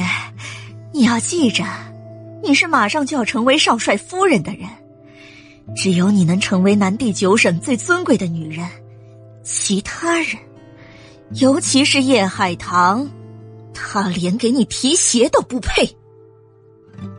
听了雷月香这话，叶思雨只觉得自己全身的血液都兴奋了起来。对，我叶思雨就应该是南地九省最尊贵的女人。叶海棠那个贱丫头，不过是走了一次狗屎运才死里逃生，她不会再有好运气了。明天，我就要让她生不如死。随后，母女两人的说话声音压得更低，将一条毒计细细的谋划了。晚饭的时候，饭桌上倒是有了叶海棠的位置了。叶远红还刻意派了一个丫头来看叶海棠，但是丫头到了叶海棠的院里，却发现叶海棠已经吃上了。香园送过来的饭菜做好了，出锅就用裹了棉布的饭盒子装起来，还派了两个丫头过来伺候，连火炉子都带上。上好的炭火烧得旺旺的，精致的小锅往上面一架，汤汁就炖沸了。香味儿从屋子里飘到了院里，又飘出院子，引得府里面好多人闻到这香味儿就流口水。丫头到了，叶海棠只让回叶远红、叶老太太的话。我以为家里又不让我吃饭呢，但我有胃病，需得按时吃饭，就自己解决了。左右我还有些钱，吃一年半载的香园，还是勉强吃得起的。叶远红的脸色蓦地就黑了，叶老太太也有些生气的放下了筷子，心里又恨又痒。恨叶海棠的无礼，又想着叶海棠定然还有一大笔钱，若是能将这笔钱都捞到自己的手里，那该多好。叶远红等人又一次的没吃好饭，叶海棠却吃得开开心心的，一个不小心还给吃撑了，只能到院里小跑了几圈消消食，结果几圈下来就出了一身汗，于是让人准备了浴桶放在房里沐浴。水准备好了，他将下人都赶了出去，拴上了房门，又将顾廷君给他送的枪放到了手边，这才放心的褪下了衣裳，跨进浴桶。谁知道他刚在浴桶里坐下，不远处的窗户就被人从外面打开，一个人影跳了进来。谁？叶海棠下意识的就拿了枪要开枪，那人影却极快的速度过来。抓住了他拿枪的手，卸下了他的力道。同时，熟悉的声音在他耳边响起：“反应倒是快，但你这是要谋杀亲夫吗？”大少帅，叶海棠愣了一下，抬起头看向他。这一晚，屋子里只点了烛灯，橙黄的光过来，将男人的脸一半照亮，一半隐藏在暗处。没有被遮掩住的小半张脸，却刚好在明处。只看这一处，竟生出一种他也是个俊美无比的男子的错觉来。他的嘴角勾起了一抹邪魅的弧度，在温柔宠溺中染上阴冷暗黑的味道。等等，温柔宠溺，一定是叶海棠看错了。庭庭君，你怎么来了？叶海棠动也不敢动的望着顾廷君。我我的意思是，你没说今晚也会来。他没说来，况且两人白日里还待在一起半日，他就以为他不会来。忽然有人闯进他房里，还来得这么快，他自然是当成贼，或者是对他居心不善的人对待了。没想到还是他，难不成这男人是爬墙跳窗上瘾了吗？我也没说今晚不会来啊。顾廷君嘴角的笑容加深。不过，你确定要继续这样？他的视线从叶海棠的脸上往下滑，指向明显。就这样与我说话？嗯。叶海棠顺着顾廷君的视线看了看自己，脸轰的就红到了耳根。忙推开他，扑通一声，将自己的身子沉到了水面以下。可水本就是透明的，就算是坐回到了浴桶里，也不能遮掩多少。偏偏刚刚搂着他腰的那只大掌还放在了浴桶的边沿。男人的喉结滚动了一下，声音暗哑：“从前听人说活色生香，一直不太能理解这个词。”今晚倒是终于领悟了。嗯，皮肤还挺嫩，景色也不错。你 你还不转过身去？叶海棠又羞又臊，忍不住用手舀起了水，就朝着顾廷君泼去。顾廷君抬起手臂挡了一下，却又目光灼灼的盯着叶海棠。小东西，你再对我这么热情。我可是会当你在邀请我跟你一起洗哦。嗯，不，不了，你先去那边坐一会儿，我很快就好，马上就好。叶海棠觉得，为什么这男人会越来越恶劣了？他真的很怕他会扑过来，怕还要陪着笑脸哄着男人。他这到底是为什么要招惹他呀？此时此刻，易海棠忽然有一种前路一片黑暗的感觉。他将帕子捂住自己的身前，一脸警惕的盯着顾廷君。我相信你是个正人君子，不会在这种时候占我便宜的，对吧？你相信我，这个事情我知道，你不必刻意强调。强调了，你就心虚了。就是不信我了，而你不信我，后果很严重的。顾廷君觉得捉弄叶海棠也挺有意思的，的确是越来越变本加厉了。说起来，你这么害臊做什么？反正我们迟早也是要成亲的，早看也是看，晚看也是看。我早看了你几眼，又怎么了？不过是看了一眼你没穿衣服的样子，你就这么怕我？等以后我们在床上做更亲密的事情的时候，你还这么怕我？那我们的娃娃该怎么做出来呢？叶海棠不说话，他发现，在顾廷君的面前，不管说什么话，都会被他压制的死死的。这男人除了令人恐惧的能力，还带着不知道从哪里学来的痞气和无赖之气，让他一点办法都没有。瞧见易海棠埋着头一声不吭了，顾廷君收起了嘴角的弧度，主动退开了几步。好了，你慢慢洗，我去喝杯茶。他自顾自的去了桌边，背对着叶海棠，拿了茶杯倒茶喝。这茶自然是冷的。但是冷茶好啊，冷茶能降火静心。他嘴上说着逗叶海棠的话，又焉知不是在掩饰自己的尴尬呢？这一跳进来，就撞见叶海棠不挂一丝的沐浴在烛光里，强烈的视觉感让他的心跳飞快，耳根处都染上了一点连自己也不曾发觉的红，直到将一整壶的冷茶都灌进了肚子里。顾廷君才感觉那股子火气被强压了下去，耳边的水声也停了。叶海棠将自己裹得像粽子似的，走到了他的面前，头发还湿哒哒的滴着水。顾廷君让他慢慢洗，可是顾廷君这么大的人，离他不过几步远，叶海棠哪里还敢慢慢洗啊？他匆匆的擦了一遍，就赶紧起来了。叶海棠在顾廷君面前坐下。廷君，你今晚过来有什么事？赶紧的问清楚这男人的目的，然后将人打发走了。我来你这里睡觉。啊！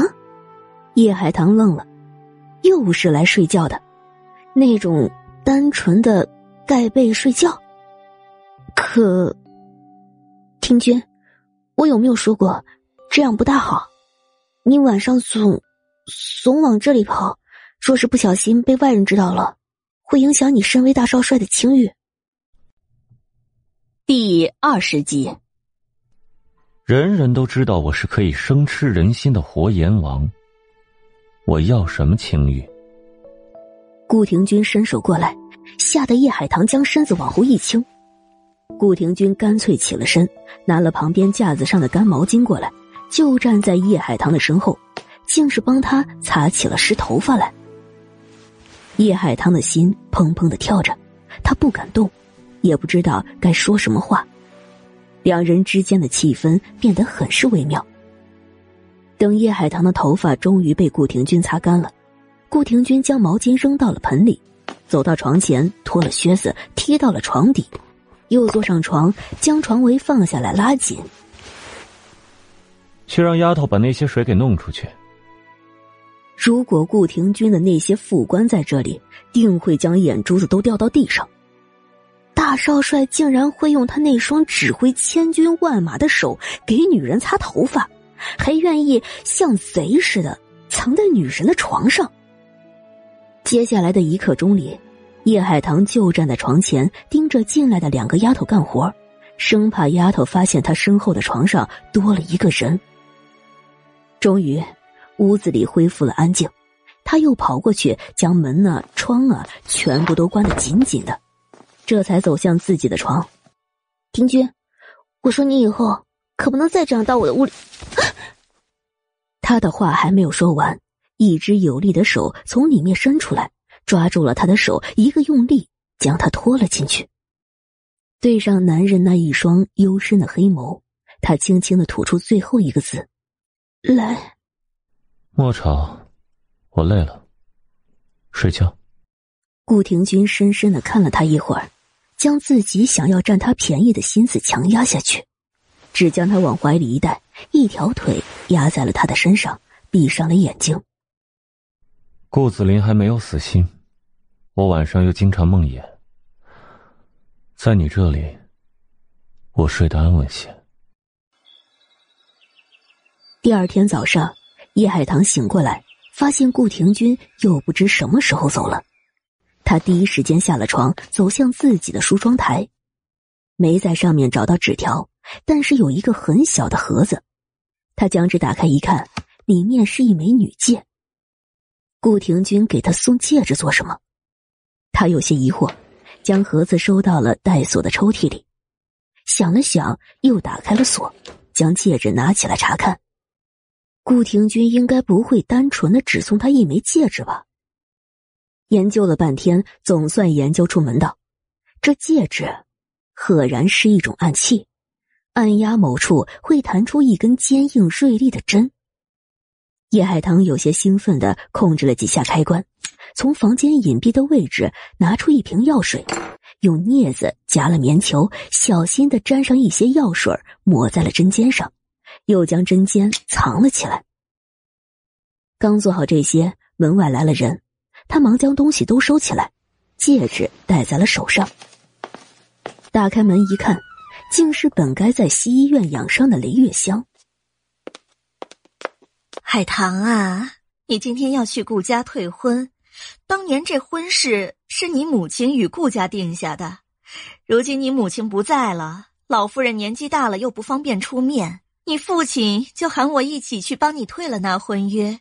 你赶紧的收拾一下，我们这就出发去顾家。姨娘不辞辛苦。叶海棠只是淡淡的说了六个字，听不出任何的情绪。走到了外面的大厅里，叶海棠知道，不仅是叶远红和雷月香要去，叶思雨竟然也要跟着去。为此，叶思雨还刻意的打扮了一番，穿上了宽松些的衣裳。他现在还没有显怀，其实大可不必这么穿，因为这种刻意的谨慎，实在有些欲盖弥彰的味道。不过，叶海棠并没有在意，谁知道叶思雨。是不是故意的欲盖弥彰呢？襄城共有四个城区，叶家与顾家在相邻的城区，隔得也并不是很远，是以没多久就到了。下了车，叶海棠才发现今日顾府张灯结彩的好不热闹，似乎是有什么喜事。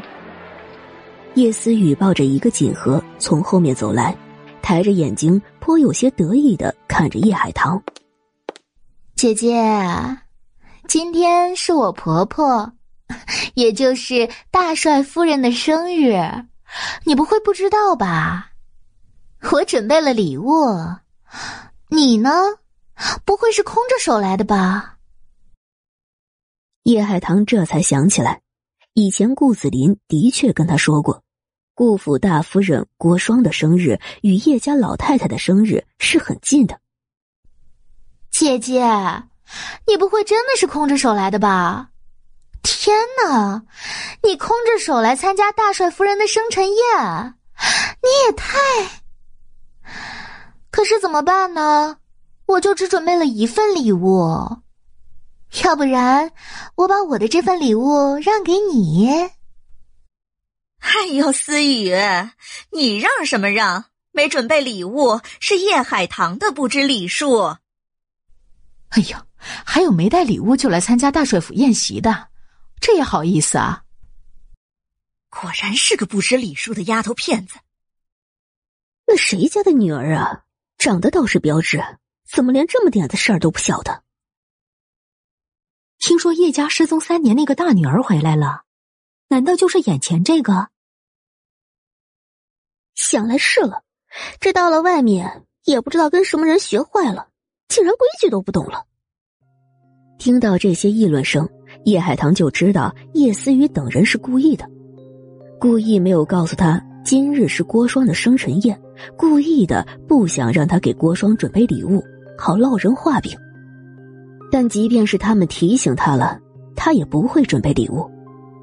郭双母子机关算尽，配不上他送礼。原来姨娘和二妹妹今日过来，是给大帅夫人过生辰的。事先竟一点口风都没有露给我，我还以为你们是觉得亏欠了我，才好心陪我来退婚的。果然还是我想多了。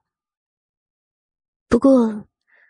我们本来就是一家人，礼物礼金什么的，有一份不就够了吗？你们非要我也拿出一份来，还是到了大帅府的门口才说这个事情，是果真不把我当成一家人。算了，没关系，我娘没了，你们一定要与我分两家，也没有关系的。最多你们贺你们的寿，我办我的事情就是了。顾府并没有邀请我参加生辰宴，我今天也只是来退婚约的，退了婚约我就走，吃不了顾府的大宴。大帅夫人也是明眼睛的人，总不会因此就说我没有礼数规矩吧？大帅夫人没教好自己的儿子，让顾子林身有婚约还在外面鬼混，甭管鬼混的对象是谁，都是对不起他叶海棠。小女儿家家的心里有怨，不给他送礼物又怎的了？况且这一家人不说两家的话，叶思雨等人明明知道今日是大帅夫人的生日，却不告诉他；明明准备了礼物，还让他也拿一份出来，不是分两家又是什么？不是其他没有娘可以依靠又是什么？不是故意的坑害他，那又是什么？哎。听起来也有几分道理啊！从前大帅夫人也不知道是什么原因不爱过生日，也就是这一两年才开始办生辰宴的。叶大小姐才回来，不知道这个事情不奇怪，可叶家的人知道这个事情却不告诉他，这就有些故意欺负人的意思了呢。是啊，这礼物都是一家一家送的。我之前以为那两位小姐是两家人的，才觉得叶大小姐不懂规矩。那既然是一家人的，为什么还分你的我的？难不成顾府收礼还要在册子上写两个叶家人不成？保不齐还真会有两个叶家人呢。我听说啊，叶老爷是上门的，那姨娘和女儿都是带进门的。其实叶家的正主儿就是叶海棠。我也听说了，嗨，可惜了，只是个丫头片子，又死了亲娘，不然哪里会让姨娘和私生的欺负了去？我看这顾家八成也是看了叶海棠不是失踪就是孤苦伶仃的，才不要她做儿媳了。哎呀，小声着点儿，顾家和叶家的事儿可不好说。咱们今儿啊是来吃大宴看热闹的，别惹麻烦上身。说的也是。今儿这热闹啊，看起来还有些看头呢。走走走，先去占个好位置。感谢小耳朵的收听与支持，本专辑是免费更新版。想要解锁收听本作品更多精彩内容，可搜索同名专辑《少帅夫人》，她又美又飒，VIP 快更版（括弧真的很快很快哦）。或打开本专辑简介，点击蓝字直达，一次听过瘾。